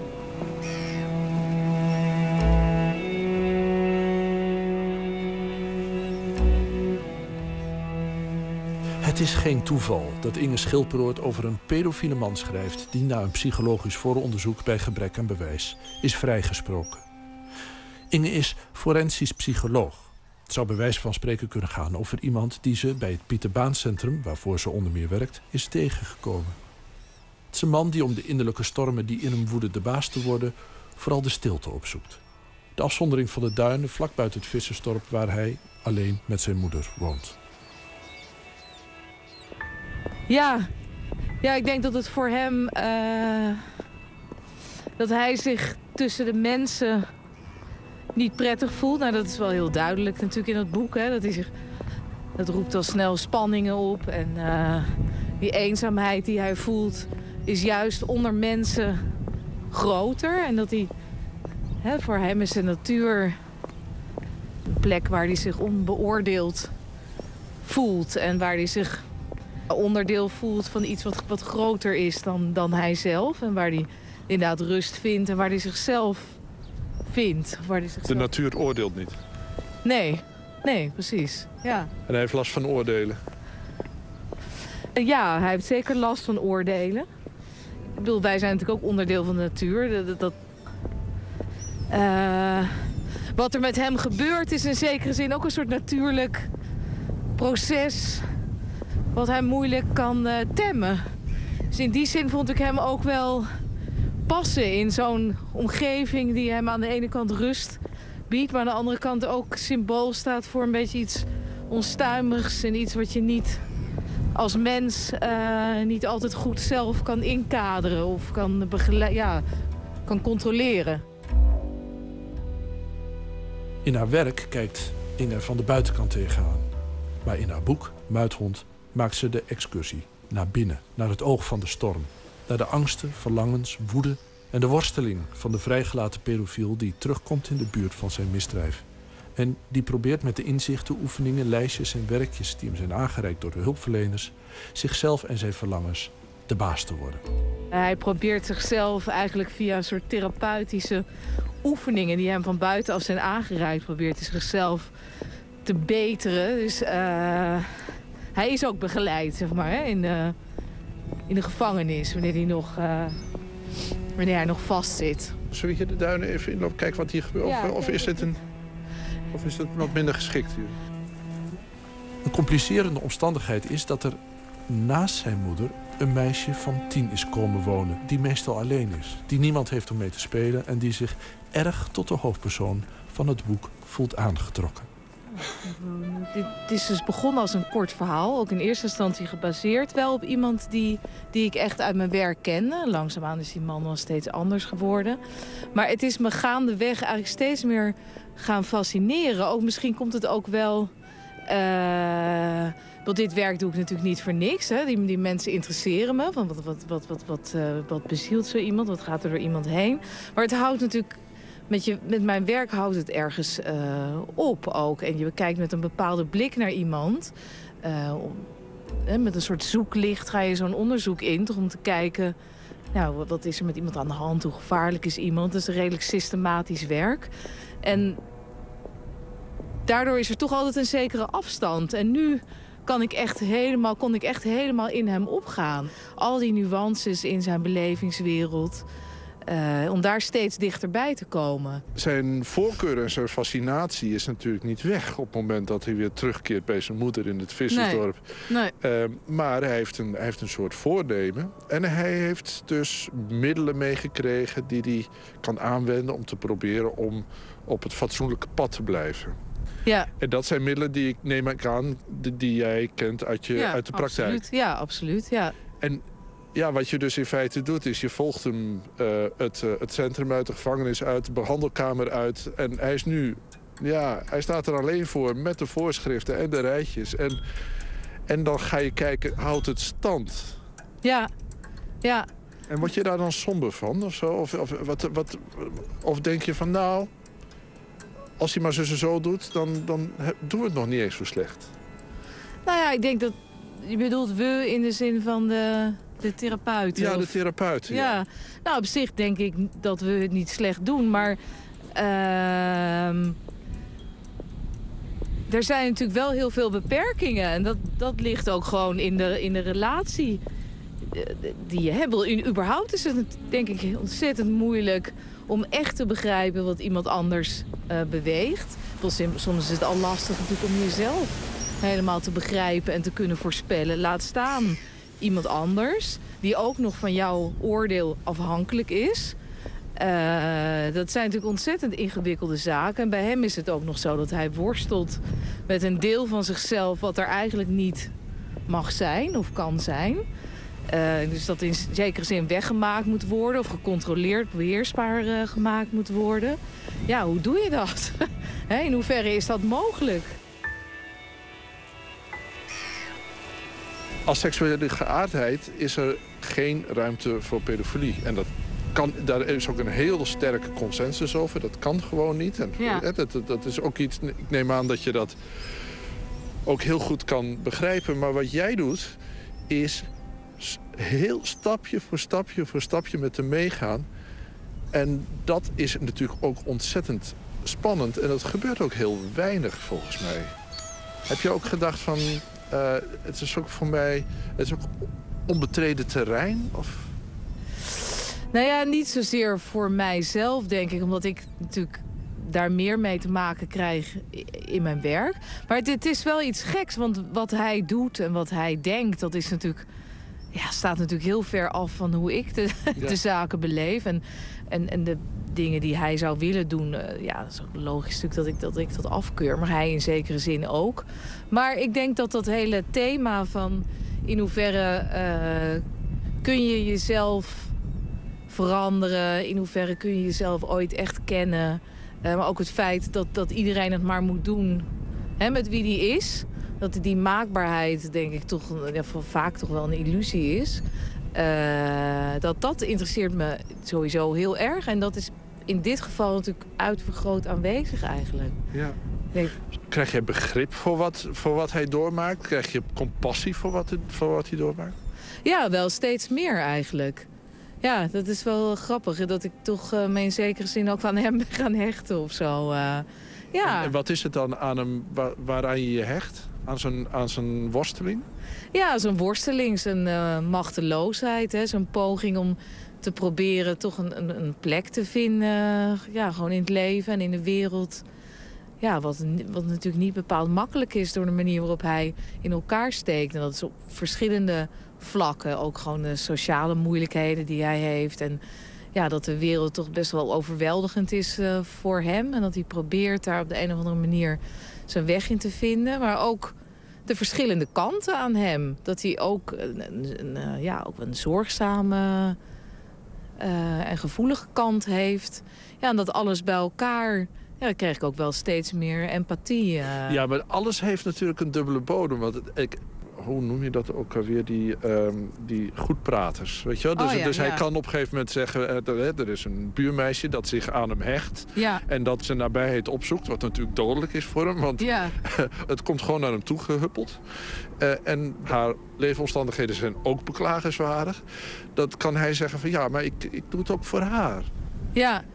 Is dat werkelijke empathie? Of kent hij helemaal geen empathie? Of... Ja, nou ja, goed, dat zijn ook wel dingen die mij ook, ook in mijn werk inderdaad heel erg interesseren. Want eh, ja, wij moeten daar dan als psychologen ook allerlei uitspraken over doen. Hè? Van hoe zit het met iemands gewetensontwikkeling en empathie. Maar dat is natuurlijk ook iets eigenlijk wat heel lastig te bepalen is, denk ik. Eh wel, tuurlijk, bij sommige mensen zie je dat het allemaal niet, eh, niet bar veel voorstelt. Maar het kan ook heel complex in elkaar zitten. En dat geloof ik wel bij zo iemand als bij hem. Dat het niet zo simpel is al- als het lijkt. Dat hij zich ook wel in zekere zin aan zo'n meisje hecht. En, en inderdaad om haar geeft. Maar tegelijkertijd ja, zijn er natuurlijk ook zijn eigen belangen. En is, eh, hoe meer die, hoe pregnanter die worden, hoe verstoorder hij bepaalde zaken ook zal gaan, gaan bekijken, denk ik. Ben je somber geworden over je vak door dit boek? Nee, eigenlijk niet. Hoop, Nee. je, hoop je dat je collega's het lezen? Mm, Ja, ik denk dat wel behoorlijk wat collega's het zullen lezen. Het lijkt me leuk ook om het daarover te hebben. En, eh, maar ik hoop vooral dat, dat, dat meer mensen dit zullen lezen dan alleen eh, mijn collega's. Want het gaat toch, en dat is, dat is ook juist, het gaat mij om dit individu. Ik wil, ik wil absoluut niet zeggen van dit is hoe de gemiddelde persoon in elkaar steekt die met hiermee worstelt. Het is voor mij wel veel breder. Het, is, het gaat mij ook wel echt om die literaire kwaliteit zeg maar, ervan. Hè? Om de worsteling van, van een mens. Ja, in dit geval dan van hem. Maar ik wil juist niet dat het een soort abstractie wordt van, van dit onderwerp. De debuutroman van Inge Schilperoort, Muithond, uitgegeven bij eh, Podium. Een eh, bijdrage van Matthijs Deen was dat. Justin Nozuka, geboren in 1988, is een eh, Canadese singer-songwriter. Canadees-Japans eigenlijk. Zijn muziek wordt beschreven als gitaarmuziek met een beetje soul. Of een mix van folk, soul en blues. Kortom, heel veel eh, dingen door elkaar. Mei 2007 kwam zijn eerste album uit in Nederland, Holly. Het album eh, werd vernoemd naar zijn Canadese moeder... die in haar eentje zeven kinderen heeft eh, grootgebracht. Van dat album draaien we nu Save Him.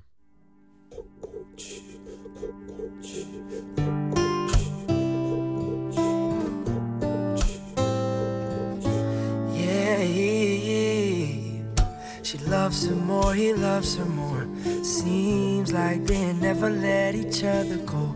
Laughing and kissing, it's a match made in heaven. Behind the rings on their fingers and prints the ink deep in the inner that has stained their souls together now. Stained soulmates forever now. Seems like they've made it to the other side where the grass is greener and the sky is always blue and it goes on forever and ever. But there is only room for two. Deep at night, I'm awakened from my dreams. Next door, yelling cries, mercy, she is begging, please. Don't end my life, you're all I need. And uh, darling, I will never leave, and never leave. And then she prayed on her knees, she said, Save him, save him from the hand that he beats me on. Save him, save him from the hand Save him, from the hand that he beats me on. Save him, save him from the hand that he beats me on.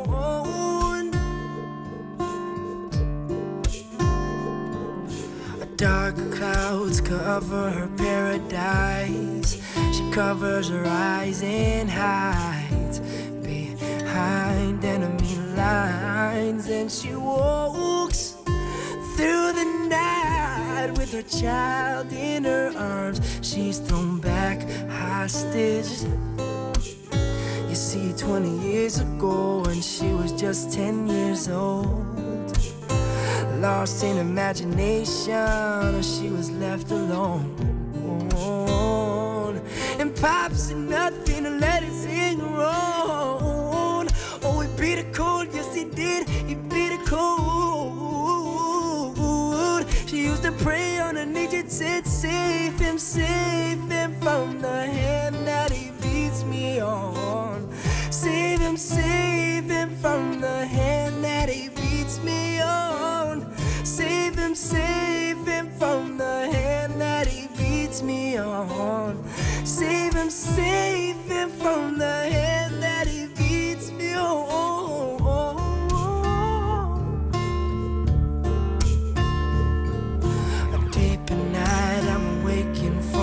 Dreams.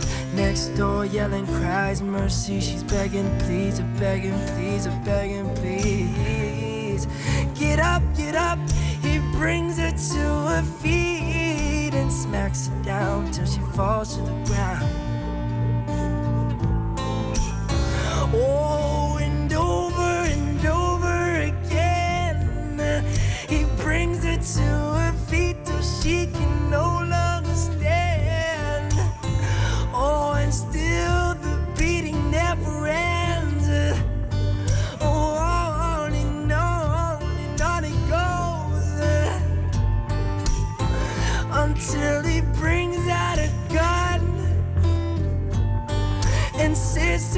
stop crying and bring me my son.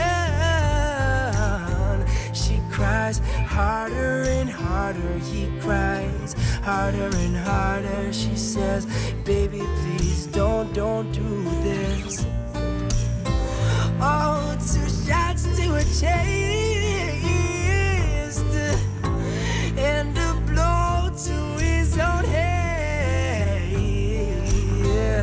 Oh, she quickly loses breath and blood rushes to the bed. And baby cries,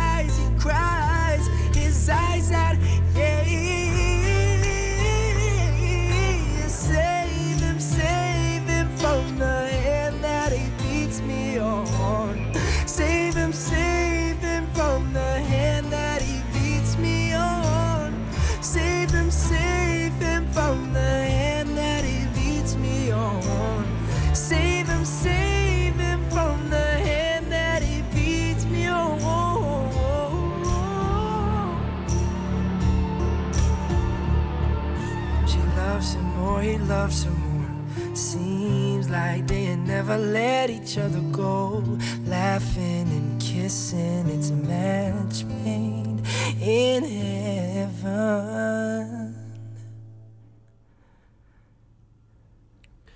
Justin Nozuka, het nummer eh, Save Him uit 2007 was dat. Lieke Marsman is eh, dichter, zal deze week elke nacht een gedicht voordragen van iemand die zij goed vindt. Vannacht is dat het eh, gedicht van Wendy Wilder Larsen. Het gedicht heet Blauwe lijster in Beukenhaag.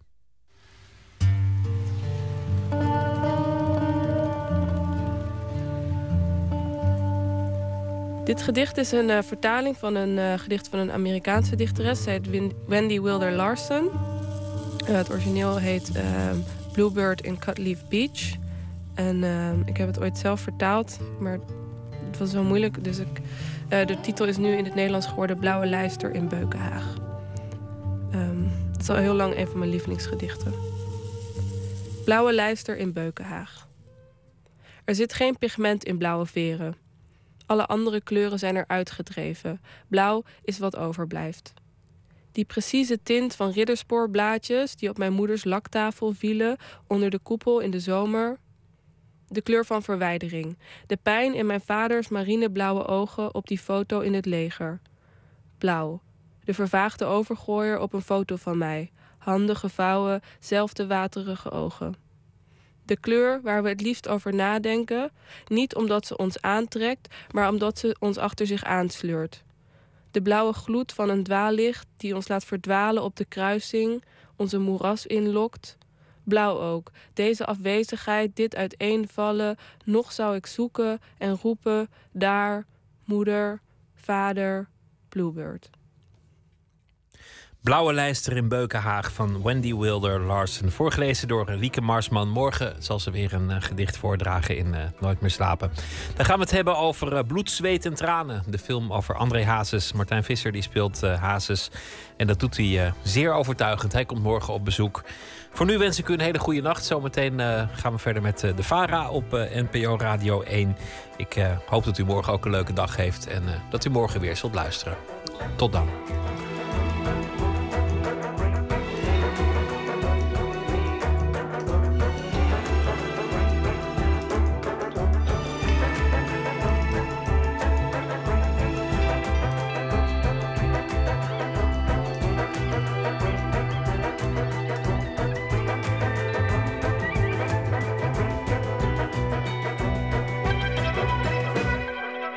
Radio 1, het nieuws van alle kanten.